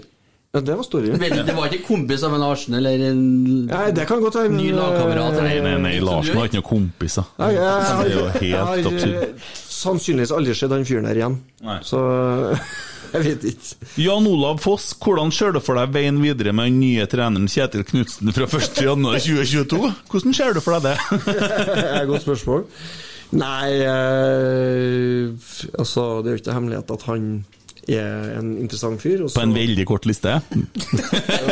Jeg tror, jeg tror eh, definitivt at ei sånn liste som Rosenborg opererer med, må være litt lengre og litt mer dynamisk eh, og levende til enhver tid. Fordi at eh, eksakt som en Ivar å påpeker, så det er kjempevanskelig. Fordi at ok, du har en liste med trenere, men er han du vil ha tilgjengelig når du trenger en? Og sant, så får de seg en ny jobb akkurat når du ikke har rom for å hente den i. Så det er sånn er kjempevanskelig å planlegge det der. Men, eh, men det er klart at eh, det, Jeg husker vi diskuter, har diskutert det her i sommer i, i styret, og man har, eh, skal ikke si for mye derfra, men Dæven, dere er spennende. Si litt mye Nei, nei, men det, nei, men det er en ganske interessant analyse. For en av de tingene som man snakker veldig ofte om når man snakker om ny trener på Lerkendal, og det er eh, ikke bare i et styrerom, men alle som prater om ny trener på Lerkendal, er at er det liksom en annen ballgame å være trener for Rosenborg, for det er et annet trøkk. Folk skjønner ikke det, for de er Rosenborg-trener, at det er et annet trøkk. Til og med når man vinner kamper, så kan du få helvete. Det er sant. Ja. Jebali er et bra eksempel der. Ja. Han kom til Norge, var med og vant serien, var med og vant cupen og gikk videre i Europa, og folk var forbanna for å gjøre det på feil måte. Ja, ja, men, altså, men, men, men det der er jo helt riktig. Og så, så derfor tenker man at ok, den som skal stå der og ta imot der, må være ganske robust og trygg. Eh, og liksom ha stått i det før. Og det tror jeg det er helt sikkert noe sant i det. Nå leste jeg et eller annet om at, uh, at på et tidspunkt så snakka man om at en Rosenborg-trener måtte være 50 år gammel. Det tror jeg er en uh, helt feil analyse. da altså, For det har ikke noe med alderen din å gjøre nødvendigvis. Uh, Ståle Solbakken var vel rett over 40 da han tok over FCK. Så det handler jo om type, da. Ja, men, jeg... men, men det ble, ble sagt, og det tror jeg faktisk var en Ivar som sa, at hvis man finner den treneren som er Altså de trenerne som er så besatt av å få til sitt prosjekt, om det er perfekt angrepsspill, liksom, det optimale angrepsspillet, som en Nils Arne var opptatt av, at man liksom skal bare male på og male på, og, og det relasjonelle og samhandlinga. De som er så besatt av det, og som har et så sterkt indre press på å få til det bildet han har oppi hodet ute på feltet, da har det ikke noe å si om folk krever altså, Fordi at det presset er så mye større på han sjøl. At det er liksom Det, det trumfer det ytre presset. Og, og jeg tror det er en sånn type trener eh, Altså sånne type trenere som Rosenborg hele tida må være på utkikk etter, noen som er så sykelig opptatt av å få til det der. Og det høres ut Er ikke alle trenere? Nei, trenere er forskjellige. Ja. Helt ulike filosofier. Eh, og noen står for sant, vi, vi vet jo det, vi, vi kan jo ikke sant, José Mourinho sant, står jo for en type fotball som man sannsynligvis ikke ville ha likt her, uansett hvor mange titler det hadde brakt oss. Så de trenerne man må identifisere, og man må følge dem og se at her er det noen som har lag som bøtter inn mål fra etablert angrep. Altså, hva, hva som skjer i det miljøet? Oi, her, faen, her produseres det masse gode spillere ut av intet. Men, men ser dere at vi rundt da f.eks. snakker om han som sitter og trener HamKam nå? Og er det sånn som styret får med seg, at det er sånne navn som dukker opp? eh, Vi, Styret, altså all, Det er ingen som er døv eller blind i det styret der. Man får jo med seg alt, og man ser jo, og man stiller jo Nei, men altså Ja, ja, men altså du flira for at det gikk litt på meg, eller? Ja. Det hørtes ut som han mimen memen jeg så på nettet her om dagen. En som sitter hjemme og sitter på PC-en sin, og så roper den kjerringa si Hei! Jeg har ikke funnet den informasjonen som hele verden har oversett her! Angående pandemien! Faen, ass. Jo, det, det, altså, da, Har dere snakka om Kjetil Rekdal i styret? Altså øh, Nei, jeg vet ikke om vi har snakka direkte om han, men, øh, men øh, jeg tror jo man snakker om hva som rører seg i norsk fotball. Selvfølgelig gjør man det. For det er veldig mange som ønsker seg Kjetil Rekdal. Ja, det tror jeg Det, det kan jeg skjønne. Og øh, han har jo på mange måter en god tracker. Han, han- han er Han er en, en annen Jeg tror han er liksom en trener av den tyske Ja. skolen mer. som- Han er ikke akkurat en som spiller Rosenborg-filosofi. Nei, nei, også, men jeg tror, altså, Det jeg tror Kjetil Rekdal er helt sinnssykt god på, det er jo kampledelse og planlegging for kamp. Og så vet ikke jeg Jeg tror ikke han er den som er Det er ikke på feltet han har sin Nei, styrke. og det er nettopp derfor han burde ha vært landslagstrener. Så burde Ståle Solbakken komme og trene Rosenborg. Der har du jo svaret. Ja, Ja. Men det altså Kjetil Rekdal, det, det, kan jeg sikkert eh, Jeg vet ikke om han har fortalt om det sjøl, men eh, en, eh, Jeg fikk høre en historie etter at Ranheim slo Mjøndalen i kvaliken i 2017. Så hadde det vært litt uenigheter i Mjøndalen om strategi i den kampen. Og eh, min venn Gauseth hadde eh, fått beskjed fra Kjell Rekdal Ja, men hvis treneren lagt opp en strategi, og du er uenig i det, og du mener du har rett strategi, ja, må bare sørge for at det skjer. Da han var i Herta Berlin, så la treneren planen, hadde kampmøte, og så ti minutter etterpå så visste alle spillerne at det var nytt kampmøte på hotellrommet til Kjetil Rekdal. Hvor kampplanen ble lagt. Så gikk de ut og vant, og treneren var dritfornøyd og bare sånn. Og jeg tenkte det der er kjemperøver. Jeg er kjemperøver. Og så var jeg og besøkte Per i Herta da jeg skrev eh, bok. Og så snakka jeg med en gammel lagkompis av en Kjetil. Jeg var liksom kikka på treningsanlegget og sånn. Jeg bare, Ja, nei, nei. Altså, Stemmer det. Kjetil la, han, han la kampplanen, og så satt han og så at treneren bare tok alle æren for seirene. Irriterte seg litt over det, men ok, han hadde Litt som Rosenborg 2007 der, Tommy. Ja, ja men det er, det er nok mye, mye av det der, altså. Det som er kult her nå, er at vi har jo snakka så mye om ny trener. Ja. Og mest sannsynligvis, min påstand, sitter en fire meter ifra oss nå som vet svaret. Ja, det er jo Skal vi prøve oss Hvis vi bare tar den Et spørsmål jeg ikke skjønner. Kan du som om du skjønner, Emil? Dere der. Hva mener han der fyren der, egentlig? Jo, det er Ja, jeg tolker noe på min måte, men vi så vidt ja, ja. tolker. Tolk i vei. Søndag kveld på Lerkendal var jo en suksess. Hva med å lage en oppfølger tirsdag morgen på Brann stadion? Jeg tror ikke jeg kan begynne å skrive om Brann, nei. Nei. Men det kunne sikkert blitt en roman, det. Ja, noen eh, Noen eh, Ja, nei. Nei. nei. Svaret er nei. Svaret er nei. Svaret er nei på det. Ja. Hvis den var sau Nei, altså Skal vi skremme deg? Du, skal vi ta Kruppe, eller? Kruppis! Ja, skal vi det? Ja. ja. Vi har en spalte å fortelle sånn for dem som er nye å høre på. Det kan hende noen som hører på første gangen. Vi raserer nettroll. Det er bare rett og slett eh, Vi prøver å gjenfortelle det vi tror, sånn som de tenker når de skriver det de skriver. Det er nettrollene. Og gjerne capslock-folk. Eh, og helst anonym, men sist så var det Mini Jacobsen fikk eh, renta seg litt. grann. Men vi plukker nettroll og lager trollehjørne.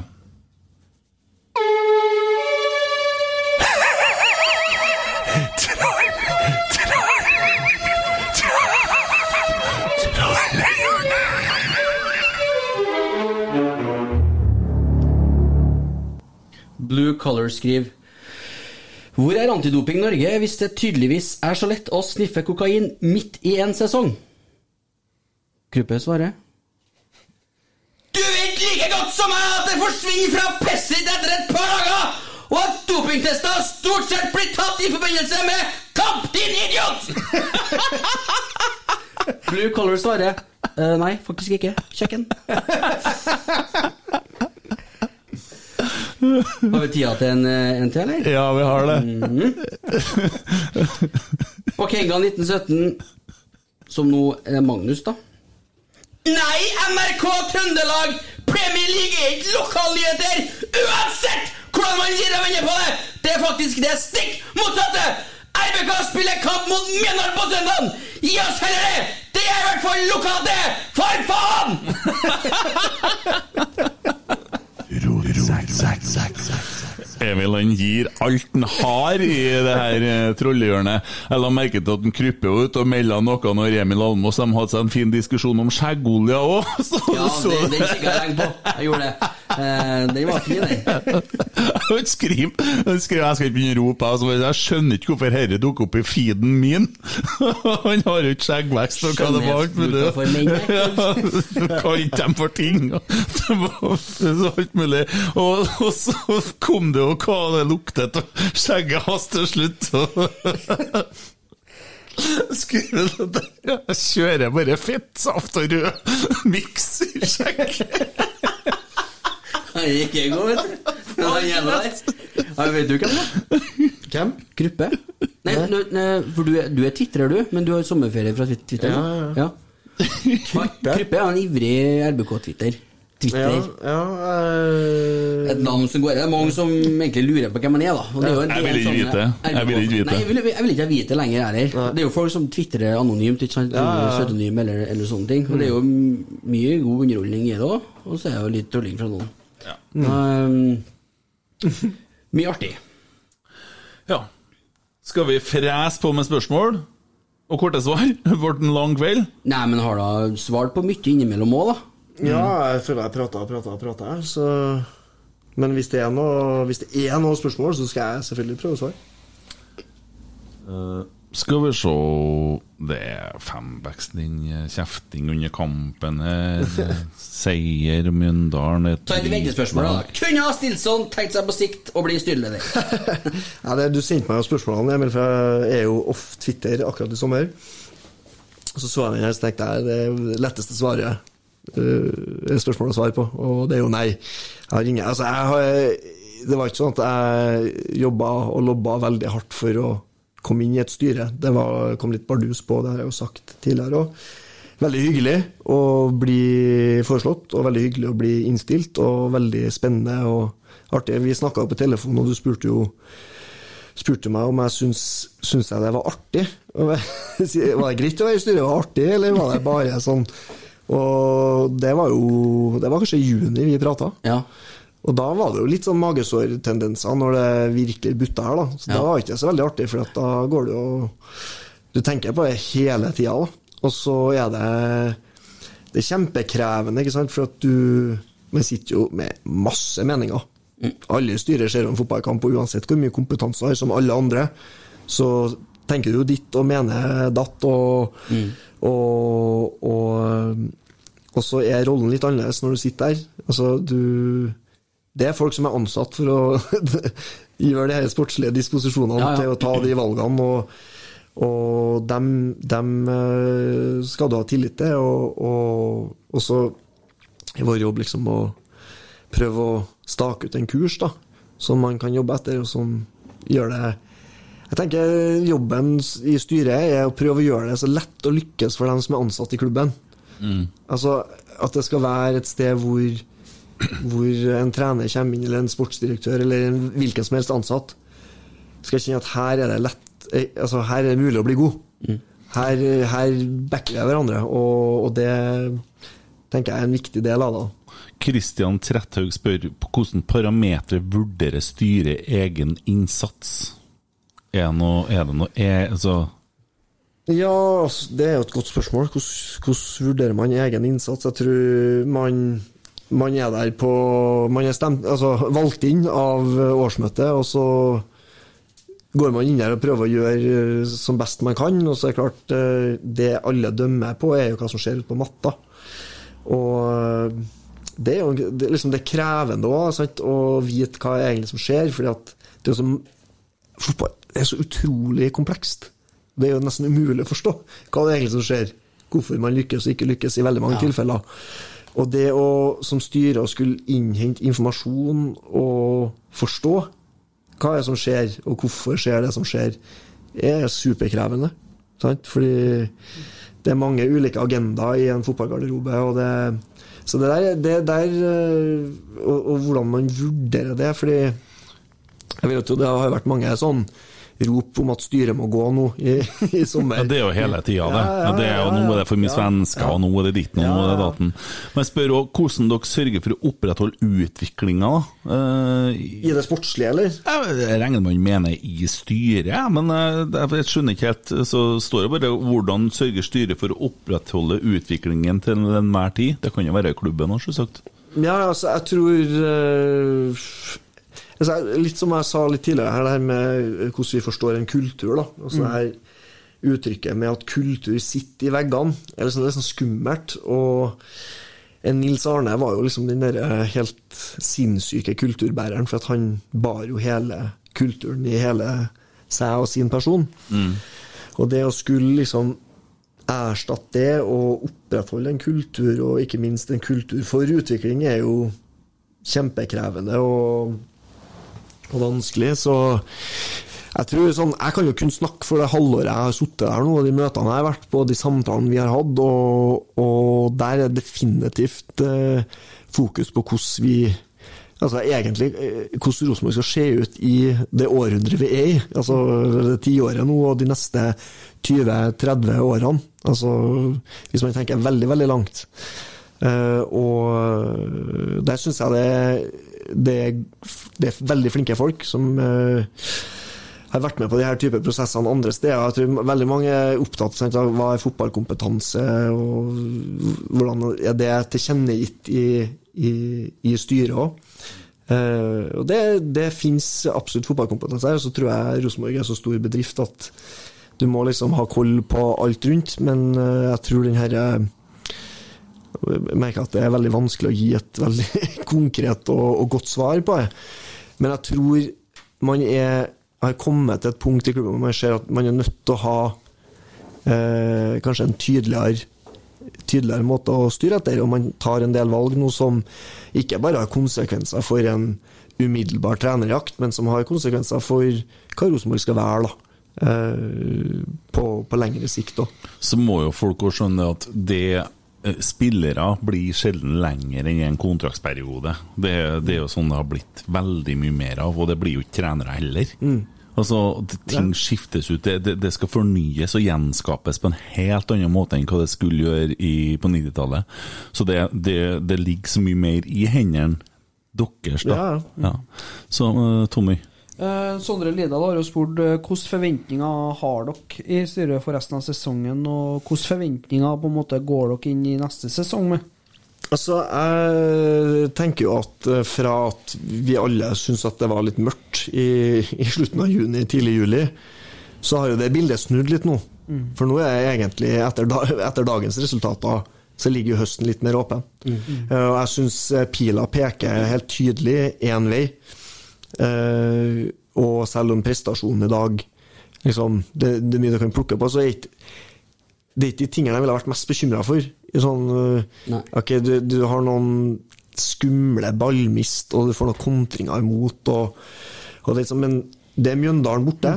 Det er ikke en enkel bortekamp, det. Og det er et lag med kniven på strupen. Og det å gå ut der og, og få med seg tre poeng, det er det desidert viktigste. Ja, det her var en kamp jeg virkelig frykta. Ja. Det, her var, det, det, det, her var virkelig potensielt bananskall. Ja, men du skaper en del sjanser, du ser det er spillere på gang. Jeg syns eh, nå begynner du å se konturene av den omveltninga i spillerstallen. Spesielt kanskje med noen av de signeringene som er gjort i sommer. Vi snakka om Noah. Eh, Skarsheim har kommet inn, eh, så plutselig har du skifta den herre eh, aldersmiksen Ja. i, i troppen. Men når, når gir dere oss ro på midtstopperplass her, da? ja.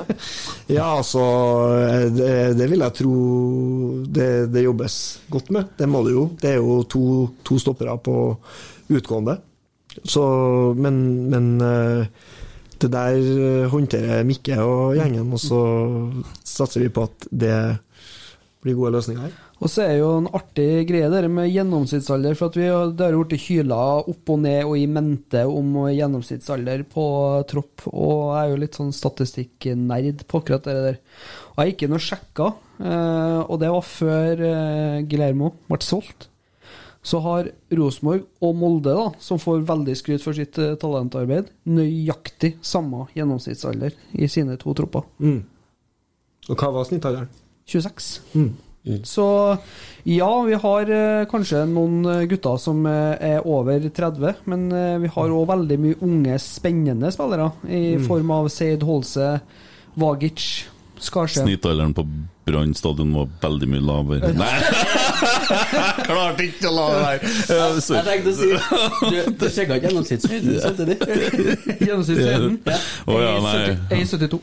Du var mye mildere enn meg, da. Ja, ja. ja. Uh, hva var det jeg skulle si? Nei, det vet jeg ikke. Nei, hadde du noe annet her? Nei, jeg hadde oppfølgerspørsmål fra Sondre Lidahl, du har jo svara litt på det, men har du eller dere i styret noe spesiell rolle i trenerletinga, eller er det Mikke som tar, tar seg av det? Altså, det, det er Mikke og sportslig ledelse som, eh, som skal gjøre den, den eh, jobben. Og så er det klart Som styre så prøver man jo å, å på en måte snakke om parametere, eller eh, sette opp de, den kravspekken for hva man ønsker at det skal være. Og jeg tror eh, der er det tydeligere enn det har vært før. Eh, hva er det man skal, skal lete etter? Og så tror jeg, som jeg sa også tidligere, at den det er jo en sånn Det har man jo diskutert òg, men eh, det er jo en sånn ting Jeg tenker mye på det her med å ha en sånn dynamisk eh, liste og hele tida være i forkant. Og så liksom hele tida sondere terrenget og, og være obs på Fordi jeg mener jo at eh, vi må ha en ambisjon i Rosenborg om at den treneren som kommer, òg, skal bli bedre av å være i Rosenborg. Sant? Fordi at det å finne en optimal trener som bare er perfekt De kommer ikke til ro- Litt sånn med spillere, så, så vi må være opptatt av at klubben skal gjøre dem som er her, bedre. Og, og det gjør også noe med hvor du kan lete. Sant? Hvis du bare leter etter 50 pluss og trygg og god, så, så begrenser inn lista litt for mye. Kanskje må vi ta større risiko. Altså, jeg snakker ikke om nødvendigvis den neste treneransettelsen, men, men med bakgrunn i det her hva er, hva er vedkommende god på? Og, og tør å ta Altså være enda litt mer uortodoks. Være mye tydeligere på den spesifikke kompetansen vi ønsker. Og det samme med spillere. Altså, Én ting er hvordan vi henter altså, gode signeringer nå, at man, man tør å hente yngre. Eh, jeg tror man i mindre grad kan lete etter folk som er f- 100 forhåndskvalifisert til å være Rosenborg-spillere. Men jeg er mye tryggere på at altså, Henter du de riktige trenerne og har den riktige filosofien, så er det lettere å sørge for at de spillerne du henter inn, blir gode. Og så må du ha folk som er så jævlig gode på å skjønne hva som skjer med spillere når de, du trykker på de riktige knappene. Litt som jeg sier, liksom, det, det er noen juniortrenere eller akademitrenere rundt omkring i verden som er helt sinnssykt gode på å kunne bedømme potensialet, og kanskje enda mer være gode til å ikke avskrive potensialet, for at de vet den der 15-16-17-årsalderen er ekstremt sårbar. Så mye kan skje, fysiologisk, mentalt. Og det er noen som har den evnen, den egenskapen, til å spotte det der, og også til å ikke lukke dørene for tidlig. For det tror jeg vi er avhengig av, for nå vil alle som er supertalenter altså Vi hadde jo den der situasjonen med han Odin eh, Holm, som dro til Vålerenga.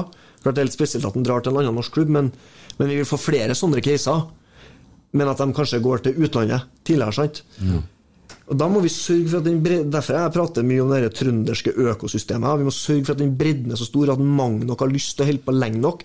Og så må vi være så trygge på det at det går an å hente folk som er 23-24, som har vært gode i en Obos-ligaklubb, eller god i en mindre eliteserieklubb, og at når de kommer hit, til den måten vi spiller fotball på, til de trenerne og det teamet og den filosofien her, så kommer de til å ta enda større steg. De trenger ikke å være landslagsspillere når de kommer, men vi skal være trygge på at de kanskje blir det mens de er her. Og så håper jeg at unge spillere som forlater Trøndelag, slutter å tro at de bygger seg en karriere ved å snakke ned Rosenborg straks de har kommet til en klubb i et annet land, for det er dritleie dritlei av å lese. De har jo knapt vært i Rosenborg før de begynner å skal melde at det var sånn og sånn. Men jeg tror det, ikke sant, der henger det også sammen med hvordan vi som klubb jobber. Sånn at alle som forlater Rosenborg, skal gå ut derfra med en følelse Altså en sånn øh, følelse av å ha blitt sett og blitt verdsatt. Og så er det sånn, sånn at ikke alle kan slå gjennom her. Eh, og det, det kan man faktisk gjøre. Det går an å både være ærlig og øh, være tydelig på fotballens brutalitet, Ja, og- og samtidig behandle folk ordentlig. Ja, og det mener jeg. Nå så ser jeg sånn som eh, tidligere i uka her, så heldigvis Anders eh, Tronsen senka jo denne her eh, greia ned der. Det er jo litt sånn todelt, da. For vi sier jo heldigvis, sant? Men det er jo ikke heldigvis for Rosenborg sin del. Fordi at det gjør det enklere for oss i Europa at Molde gjør det bra i Europa. Fordi at det gjør det enklere for oss at alle norske lag gjør det bra i Europa pga. seedinga. Så når vi jubler over eh, at Molde ryker, så sager vi litt av den greina vi sitter på. Det må vi skjønne. Men så er det jo noe med at det er akkurat Molde, da. Så Og egentlig Og han skårer. Og så er det en annen kar som skårer to mål i Europa òg denne dagen, og det er jo Erik Botheim. Og det blir det jo snakka mye om, da. Men altså, det er jo bra at han fungerer i Bodø, for all del, men han fungerte jo ikke i Rosenborg. Og så sier jeg at spør dem i Stabæk, da, hva de syns om han, da. Sant? De ville jo ikke ha han gratis engang. Det, det, så det, så det, det der, der igjen, det du snakker om hva treneren får ut av spilleren, og hvordan ting fungerer, så fungerer det akkurat der. Ja, og, så må, og det må vi forstå at Rosenborg kommer også til å ha spillere her som ikke lykkes, og som sendes videre, og som kanskje blir dritgodt annet sted. Det, det vil skje nesten uansett hvor godt du driver her. Men, eh, men vi må også Det viktigste er jo at man vet hvorfor man slipper spillere, og at de lykkes et annet sted. At du vet at ja, okay, det, Men folk blir fortsatt gode her. Det er bare sånn at tilfeldigvis så var han nummer to i den posisjonen og måtte videre. De Sånn er sitter sikkert i Malmö og snakker om det samme nå. Hvorfor har han gått til Rosenborg? Sant? Fordi at han var jo et ungt talent osv. Ja. Men altså, det er ikke noe god overskrift til deg som forfatter eller at folk skriver at senket av sine egne. For at i nesten samtlige norske klubber i to øverste divisjonene så er det spillere som har spilt i Rosenborg før. 55 Ja, og det, det, det, Så det er jo på en måte en overvekt av det. Så det er jo ikke noen nyhetssak i seg sjøl, fordi at Rosenborg har hatt veldig mange spillere. En som spør her, da, bare for å altså, eh, nesten opplagt svar på det, men har styret diskutert om akademiet skal være forbeholdt trøndere? Ja, men det tror jeg definitivt er For det handler jo om både at man eh, har et G16-lag og ikke noe yngre. Det er jo en eh, verdibasert eh, diskusjon som man har vært ganske tydelig på at man ikke ønsker å, å gå noe yngre enn der enn så lenge. Eh, og så har man jo selvfølgelig et ønske om at det skal være først og fremst for det lokale. Men man har selvfølgelig er det en, hele tida en diskusjon om ja, men hvis vi skal konkurrere på det nivået vi kanskje har ambisjoner om å konkurrere, så må vi kanskje ha et tilfang av enda større talenter. Og den diskusjonen melder seg, og den, den må man jo ta stilling til. og Det kan godt være at man lander på noe i dag som endrer seg over tid, fordi at man ser at man rett og slett for å henge med i For ikke sant, den derre Norge blir enda mer perifer for hvert år som går, nesten. ikke sant, Og pengene er så mye større ut at du du, eh, den konkurransen er så utrolig skarp da, om de aller største talentene. Og, og eh, kanskje er det noe i framtida som kommer til å skje, at man i større grad begynner å shoppe yngre spillere. Jeg sier ikke at det kommer til å skje, men at det hele tida er en påtrengende diskusjon. Ikke bare i Rosenborg, men i alle klubber i hele Norge. Så er jo det For det strider jo litt mot et sånn norsk verdigrunnlag òg. Altså, bli, bli god der du er, at uh, man skal ikke bli for seriøs og proff for tidlig. Men så er det jo den realiteten du konkurrerer mot, da. Ja, og så er det samtidig sånn at hadde jo vært sånn nå at vi har hatt en sånn regel på at nei, vi er kun trøndere, så hadde vi hatt noe Emil Seid i Rosenborg, for uh, han ble jo på en måte avvist av Tromsø, han, så hvorfor faen spiller ikke han i Tromsø? Så de han oppi der nå, sant? Men han fungerte i Rosenborg. De ville jo ikke ha han. Og det er jo litt artig med en Skarsheim òg, som uh, var i Rosenborg og, og gjorde juniorkarriere og, og på en måte fikk beskjed om at du kanskje ikke var lengst fram i køa. Drar til Kristiansund, uh, gjør en kjempejobb der og, og utvikler seg som spiller. Og kan, der har vi på en måte avslutta den første runde i karrieren hans i Rosenborg på en så fin måte at når vi kommer tilbake da, et par år senere og sier sier at vi ønsker å ha deg tilbake, så sier han eh, ja, fordi at han har lyst til å vinne noe med Rosenborg. Og det, det er jo et viktig aspekt i det. Ja, vi snakker jo om det samme, men det er en som heter for eh, Jeg ser jo ikke, vet du. Malcolm. Uh, han, ja, men det er så små skrift på navnet sitt. Uh, så spør han hva som skal til for at Rosenborg og Trøndelag skal lykkes med lokal talentutvikling og holde lokalt så lenge som mulig. Hvordan ser styret på samarbeid med andre klubber i regionen, og hva er det som gjør at Molde ligger så mange poeng foran oss per dags dato? Kristian svarer på det, han, så du får ikke svar. Enkelt sagt, slutt å hente så jævlig mange lag fra Sverige! Det er svaret. Bom. Ferdig med det. Det er ikke noe vits å ta. Kristian svarer. Slutt å hente så jævlig mange fra Sverige. Det, det var svaret. Så der hadde du løsninga på det. Ro, ro, rot. Å, jeg skulle En som spør om det Sa du noe? Nei, jeg rakk ikke. Jeg rakk du rakk ikke.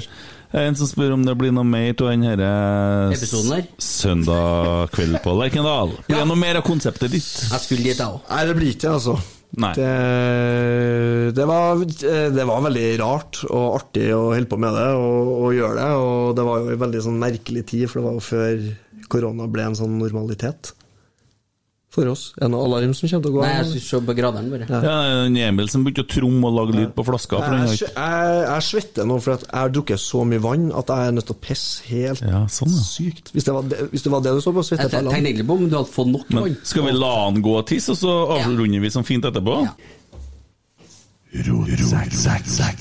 Vi har jo en eh, nydelig spleis gående, og i den forbindelse så har vi hatt en sånn veddemålrunde i dag der vi har drevet og kjørt på det. Det ble litt penger, for det uh, var en Jan Nei, hva heter han? Krokstad? Nei, hva heter han? Jon, Jon Tore. Jon Ja, som satte i gang her. 50 KG. kroner per mål. Rosenborg skåra to mål. Det ble eh, 100 kroner. Veldig mange hengte seg på. Markus Henriksen 1000 kroner med tre poeng. Uh, Godfotpodden laga en hashtag som de sier 'Kom på Lerka'. Uh, som vi skal begynne å bruke. Skulle ha kanskje ha kalt det 'Kom på kamp'. Lerka, Aleksander! Lerka!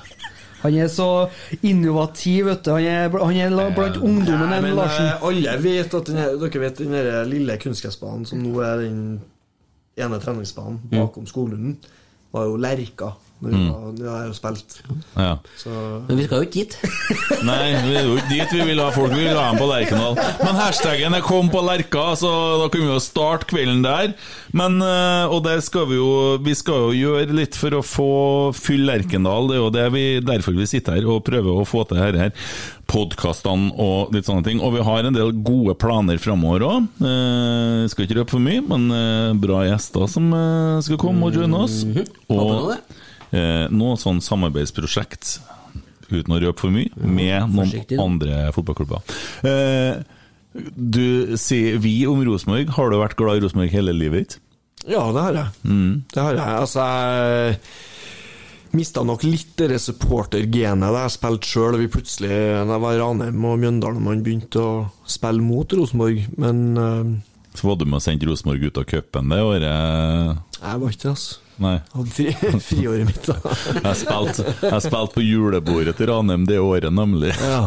Så det var jo oppslag, og man så jo klipp fra den kampen. Ja. Ja ja, men det var jo starten på karrieren, det. Var det? Det tapet her. ja. Det var det nok, ja. 2004 Altså er slutten på karrieren, egentlig, da. Det var vel der det Peri, Peri 2, faktisk. Ja. Bare det. Kommer dere til å, ansette Det var en trollprat. Den er fantastisk. Kommer dere til å ansette Perry som ny trener noen gang? Jeg skal ikke ikke- det var dårlig gjort. Ja, Perry er en fin fyr, faktisk. eh, Så ja. Og det mener jeg. Jeg kjenner ikke, men det, er sikkert. kul, da. Så, ja. Han er en bra mann. Så vi begynner vel å komme til veis ende. Eh, Kom på Lerka. Vi har ikke hatt ti sekunds pinlig stillhet. Vi trenger ikke å Men jeg har forslaget, og det er jo selvsagt disse tolv guttene i Brann som feira seieren over uh, Fyllingsdalen fra tredjedivisjon. Det fortjener ti sekunds pinlig stillhet. Uh, og, i- altså får jo håpe at de, når de tok av såpass på den seieren, at det kanskje ikke de drar det videre, for da blir det vel Tenner jeg vel ti Bergen i kveld, da. La det være, men vær så god. Så til den faste spalten. Ti sekunders pinlig stillhet.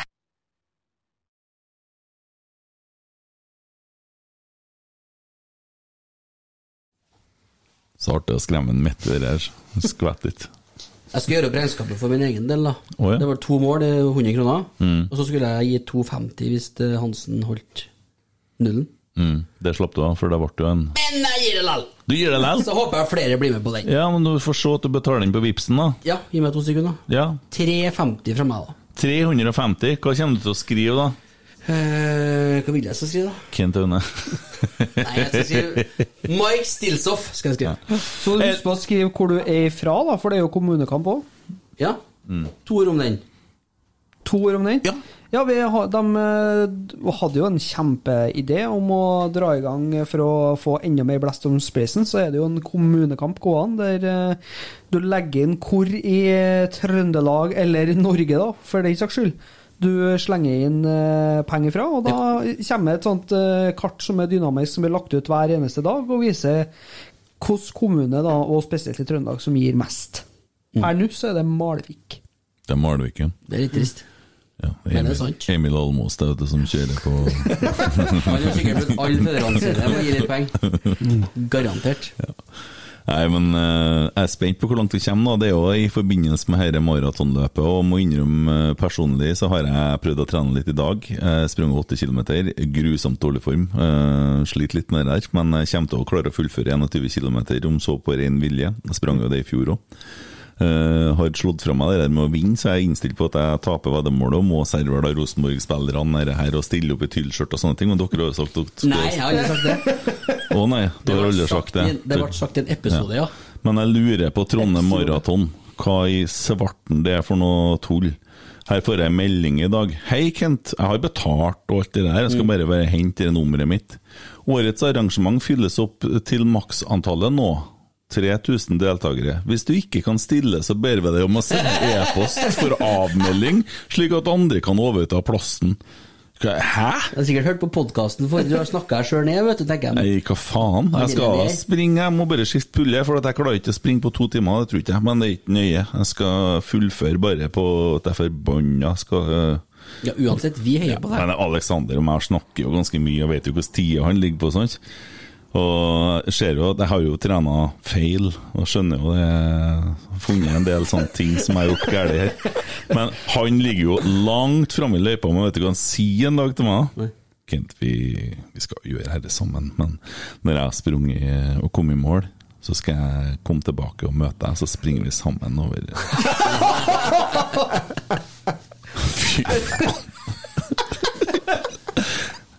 Det, jeg vet ikke hva han er Det verste er at jeg tror For at oppi huet hans så hørtes det sikkert veldig hyggelig og fint ut. Ja. Ja, Ja. Men det høres jo bare brekkherselig ut. Ja, men samtidig så har jo du prøvd å sprunge halvmaraton, sant? Ja, veldig vondt. Veldig vondt. Jeg sprang to halvmaraton i fjor, og den siste, da, da, da jeg var tom for næring, husker jeg ikke de siste fire kilometerne. Jeg var så ødelagt, men jeg klarte å gjennomføre. Eh, men i år er det bare Jeg vet ikke hva som skjer. Det, det bare vil seg ikke. Jeg har jo sånn Garmin-klokke sånn, det står bare liksom trenings... Den der kondisjonspila går bare ned. Jeg har sprunget så mye. Men det viser at jeg har trena for Jeg har sprunget for mye og for langt, da. Men når er maraton? Det er, om, det er 4. september. Skal du komme med noen gode råd? Eller? Nei, jeg meldte meg på Trondheim Skogsmaraton. jeg. Men oh, ja. Ja, det er ryddig. Eh, jeg har ikke oppretta Spleis ennå. til- Til kjernen. Du skal ikke samle inn til vinsjen? Ja, men du er jo eh, 62 kilo og i toppform! Nei, nei, på ingen måte.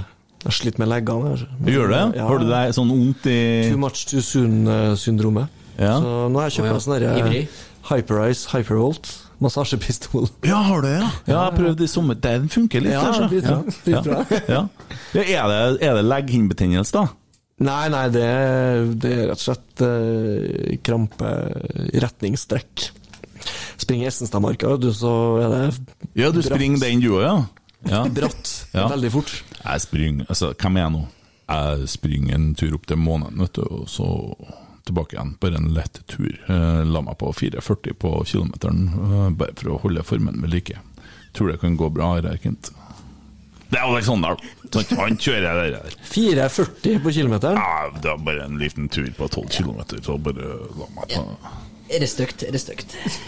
Altså Jeg trodde i dag òg når jeg sprang at jeg skulle få hjerteinfarkt. da Var det blanding av angst og Altså Jeg skjønner det at det at jeg fikk for meg at jeg skulle begynne å røyke litt sigar underveis her nå Ja.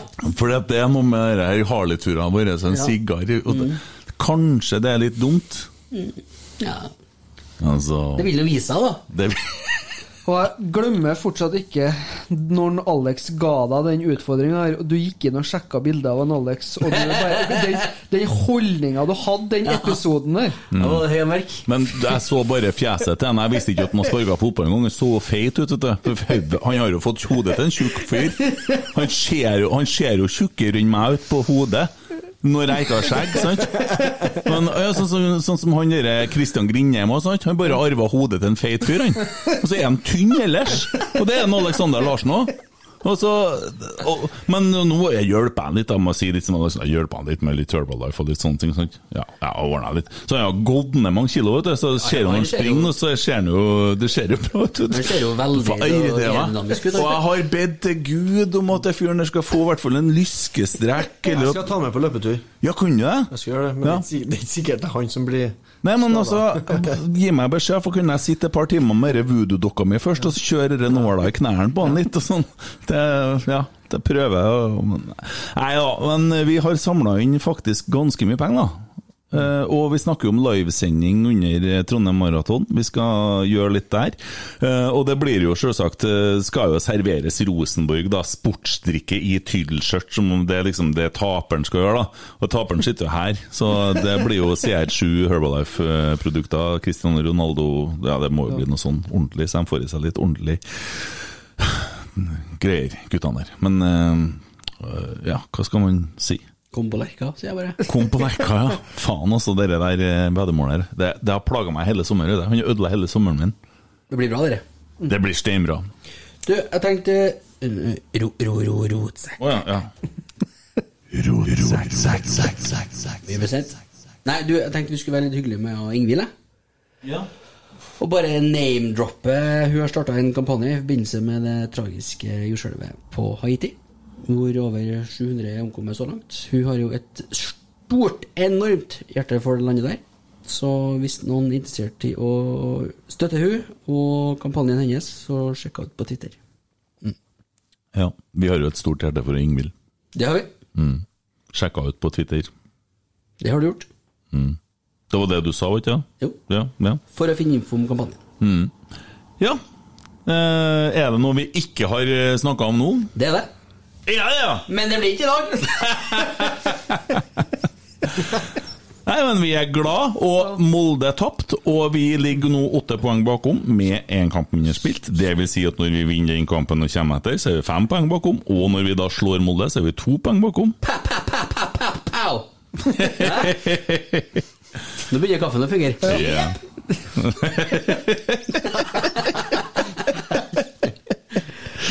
ja. Er det Mike? Er det noe eh, Mic check er one, noe- two. Veldig hyggelig å få lov til å komme. Jeg håper det var noe fornuftig som ble sagt, og så Det, du, forresten, det får du, når du kjenner deg på Twitter igjen, så får du se det han Driblebekk. Det er en fyr som driver og reiter alle episodene alle Rosenborg-podkastene med gutt med terningkast. Så vi venter i spenning hver gang etter hver episode. Så tenk på det, da. Tenk på det. Rosenborg da har Rasmus og Saga-podden. Du har Godfot-podden, som var RBK-podden. Du har Trollprat. Du har Rotsekk. Eh, du har Fotballklubben. Eh, og nå har du også Twitter-kontoer som er oppretta for å sitte og gi terningkast på Rosenborg-podden. Er det det? Ja, det var- Faen meg, sjukt. Ja, men, Det er bra, det er veldig, veldig bra. Det er engasjement. og det er, det er folk er veldig engasjert, og de sender oss Du ser den skjorta her. Det er fordi at jeg fortalte en historie en dag jeg gikk hit eh, hjemmefra, bor på Blokkløgda. Så møter jeg en eh, av våre nye landsmenn, en dame, som eh, går bortpå der med ei sånn skjorte som det sto 'I love Sluppen' på.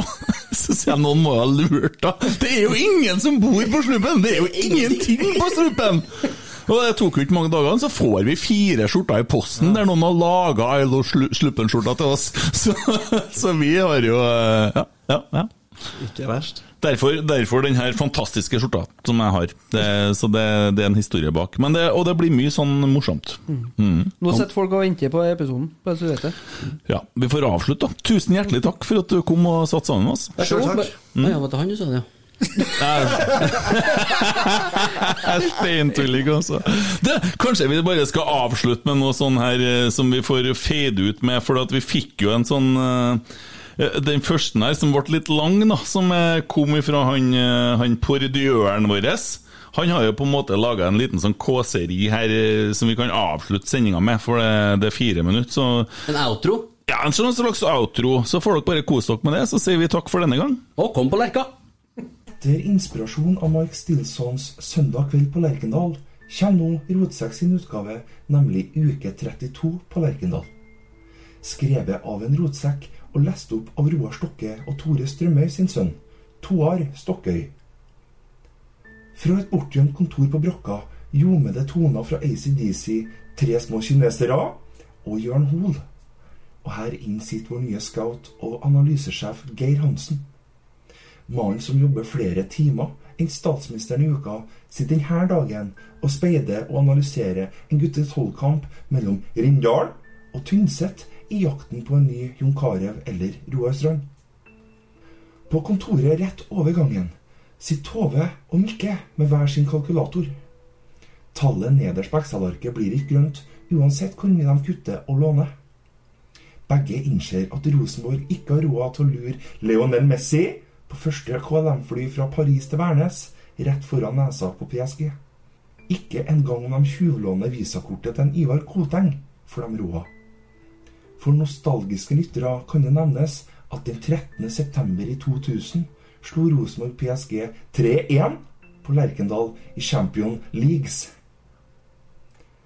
Men Mikke, som ikke har hatt en eneste feriedag i sommer, lar ikke skuffelsen over tapet av Messi gå seg til hodet. Mens resten av Rosenborg-laget reiser til Slovenia, står Mikke igjen på Lerkendal. Han snakker i telefon, og det svenske språket glir lett. Det er tydelig at han snakker med en annen svenske. Og ett døgn senere er det klart. Rosenborg har signert et svensk midtbanetalent.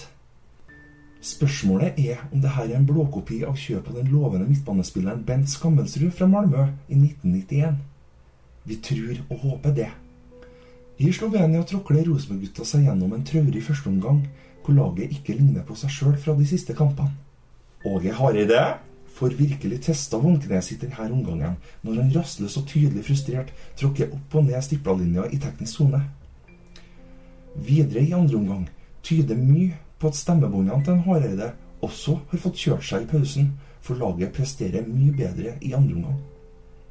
Innbytterne Noah Hall og Stefanio Vecchia leverer hvert sitt mål, og Rosenborg slår Domsale 8-2 sammenlagt. Og i playoff venter det franske laget renn, og det er duka for en perfekt anledning til å kopiere Ajax-kampene fra 2017. I ei skråning nede på Vestlandet kommer den tidligere Rosenborg-spilleren Anders Tronsen i sentrum og leverer inn en god søknad til legendestatus i Rosenborg etter at han har pælma Molde på hodet og ræva ut av Conference League med sitt avgjørende straffespark. Lillebror i nord går videre etter to skåringer av Erik Botheim. Og man kan trygt si at Rosenborg også har en finger med i denne kampen, uten at man skal gi Erik Botheim heltestatus av den grunn.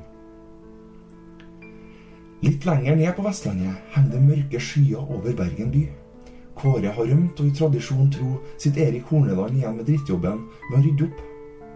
Hornelands undersåtte, som også liker å kalle seg for toppidrettsutøvere, har valgt å drikke seg nedad på byen og tatt festen videre inn på stadion. Det går fortsatt rundt et par-tre stykker med melkbart og gruer seg til å avlegge urinprøve. Kun et kvarter etter fyllekula forlater den bleike Freddie Mercury-lignende hemværingen brann, og vi takker Gud, Buddha og Allah for at han dro fra hotellet på Marbella i 2017, før han i det hele tatt rakk å ta på seg den hellige Rosenborg-drakten. Amen.